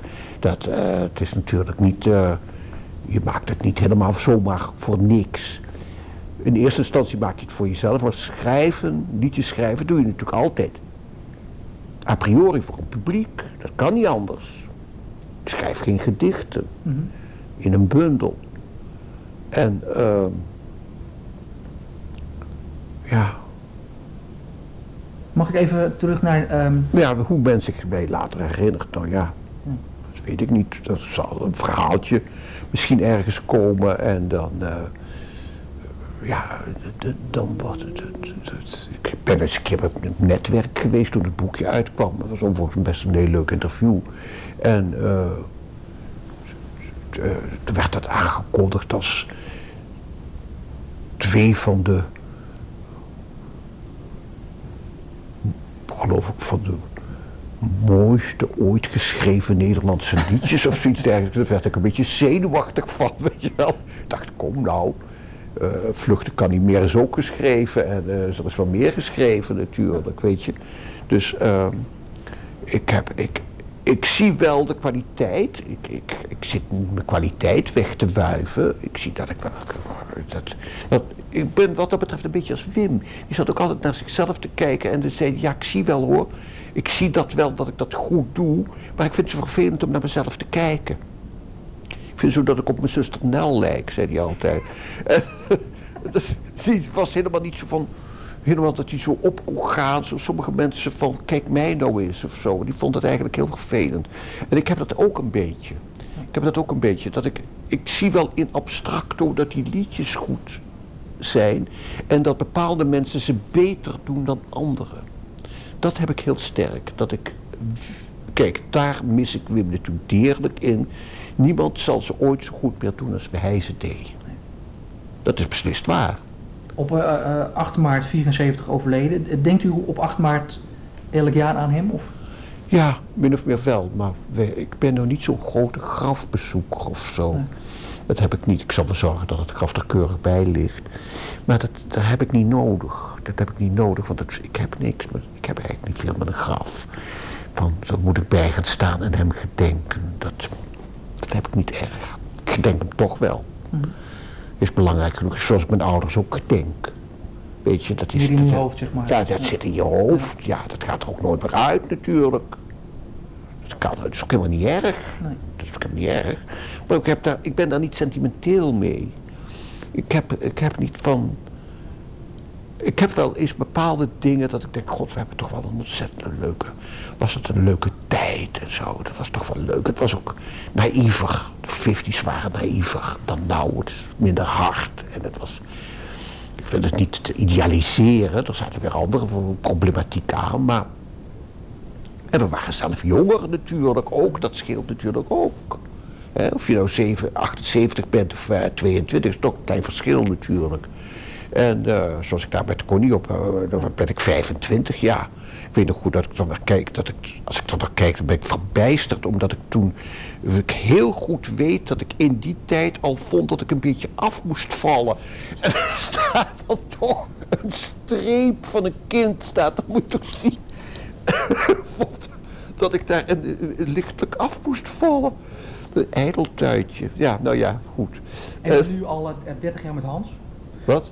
Nu al 30 jaar met Hans? Ja. Wat, wat heeft u van Hans geleerd? Oh, eh, van Hans heb ik heel veel geleerd, want die is, eh, die is ontzettend eh, heel goed altijd met andere mensen bezig. Die is, die is echt reuze, dat had Wim ook. Hij lijkt daarin een beetje op Wim, op, wel weer op een andere manier. Maar die waren alle twee reuze in mensen geïnteresseerd. Vonden het al gauw interessant wat iemand vertelde. Mhm. Vinden niet vaak iemand vervelend. Of ja, het heeft hij ook wel. Dat je denkt van, oh, een saaie klootzak vind dat, weet je wel. Maar goed, eh, hij is gauw... En mensen komen ook heel veel bij hem met, zijn, met hun problematiek. Hij heeft een bepaalde kroeg waar hij in de buurt komt. En eh, ik, heb hem wat is zuster Therese van de Pijp. Want hij is... eh, ja, hij heeft altijd mensen met... Ja, mensen hebben tegenwoordig wordt ontzettend veel natuurlijk over relatieproblemen gesproken. Daar spraken wij vroeger lang niet zoveel over, moet ik eerlijk zeggen. Er wordt ontzettend veel geluld over relatieproblemen. En daar heeft hij altijd, dat luistert hij altijd met ontzettend veel genegenheid. En dan heeft hij ook, hij kan ook echt heel goed raad geven, merk ik dan. Ik vind hem heel, hij is echt heel begaan met mensen en ook heel verstandig met mensen.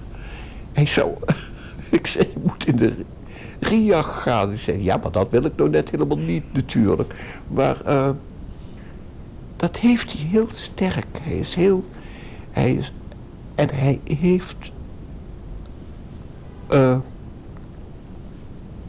een ontzettende gro- grote eh, reservoir om dingen leuk te vinden. Hij vindt ontzettend gauw Dingelijk. Iets interessants of leuk. of Wat ook, weet je wel. Hij, is, hij kan ook... Hij, hij, hij kan echt van dingen genieten. Dat heb ik niet zo. Nee. Dat heb ik niet zo. Dat heb ik ook nooit zo vreselijk gehad. Ik kan wel van, dingen, ik, van kunst kan ik genieten. Dat heb ik ook altijd. Dat is een van de grote dingen des levens. Dat ik denk, ik ben maar blij dat dat er is. Want dat is mijn grote interesse eigenlijk. En eh, dat blijft me ook eeuwig boeien. Maar, eh, en mensen, bepaalde mensen, ik ben dol op Hans. We, we hebben het werkelijk heel erg goed samen. Is hij ook de, eh, samen met Ton, waren er ook geen andere twee mensen die zeg maar die voorstelling nu kunnen voorbereiden en de teksten kunnen schrijven? Zijn dat de twee mensen die dat bij uitstek... Nee, nou ja, hij heeft zich natuurlijk altijd ontzettend gebogen. Hij is altijd ge- veel meer dan ik zelf bezig geweest met mijn werk. Hij, heeft daar ook een grote bewondering voor. God, hij is echt mijn, mijn trouwste fan.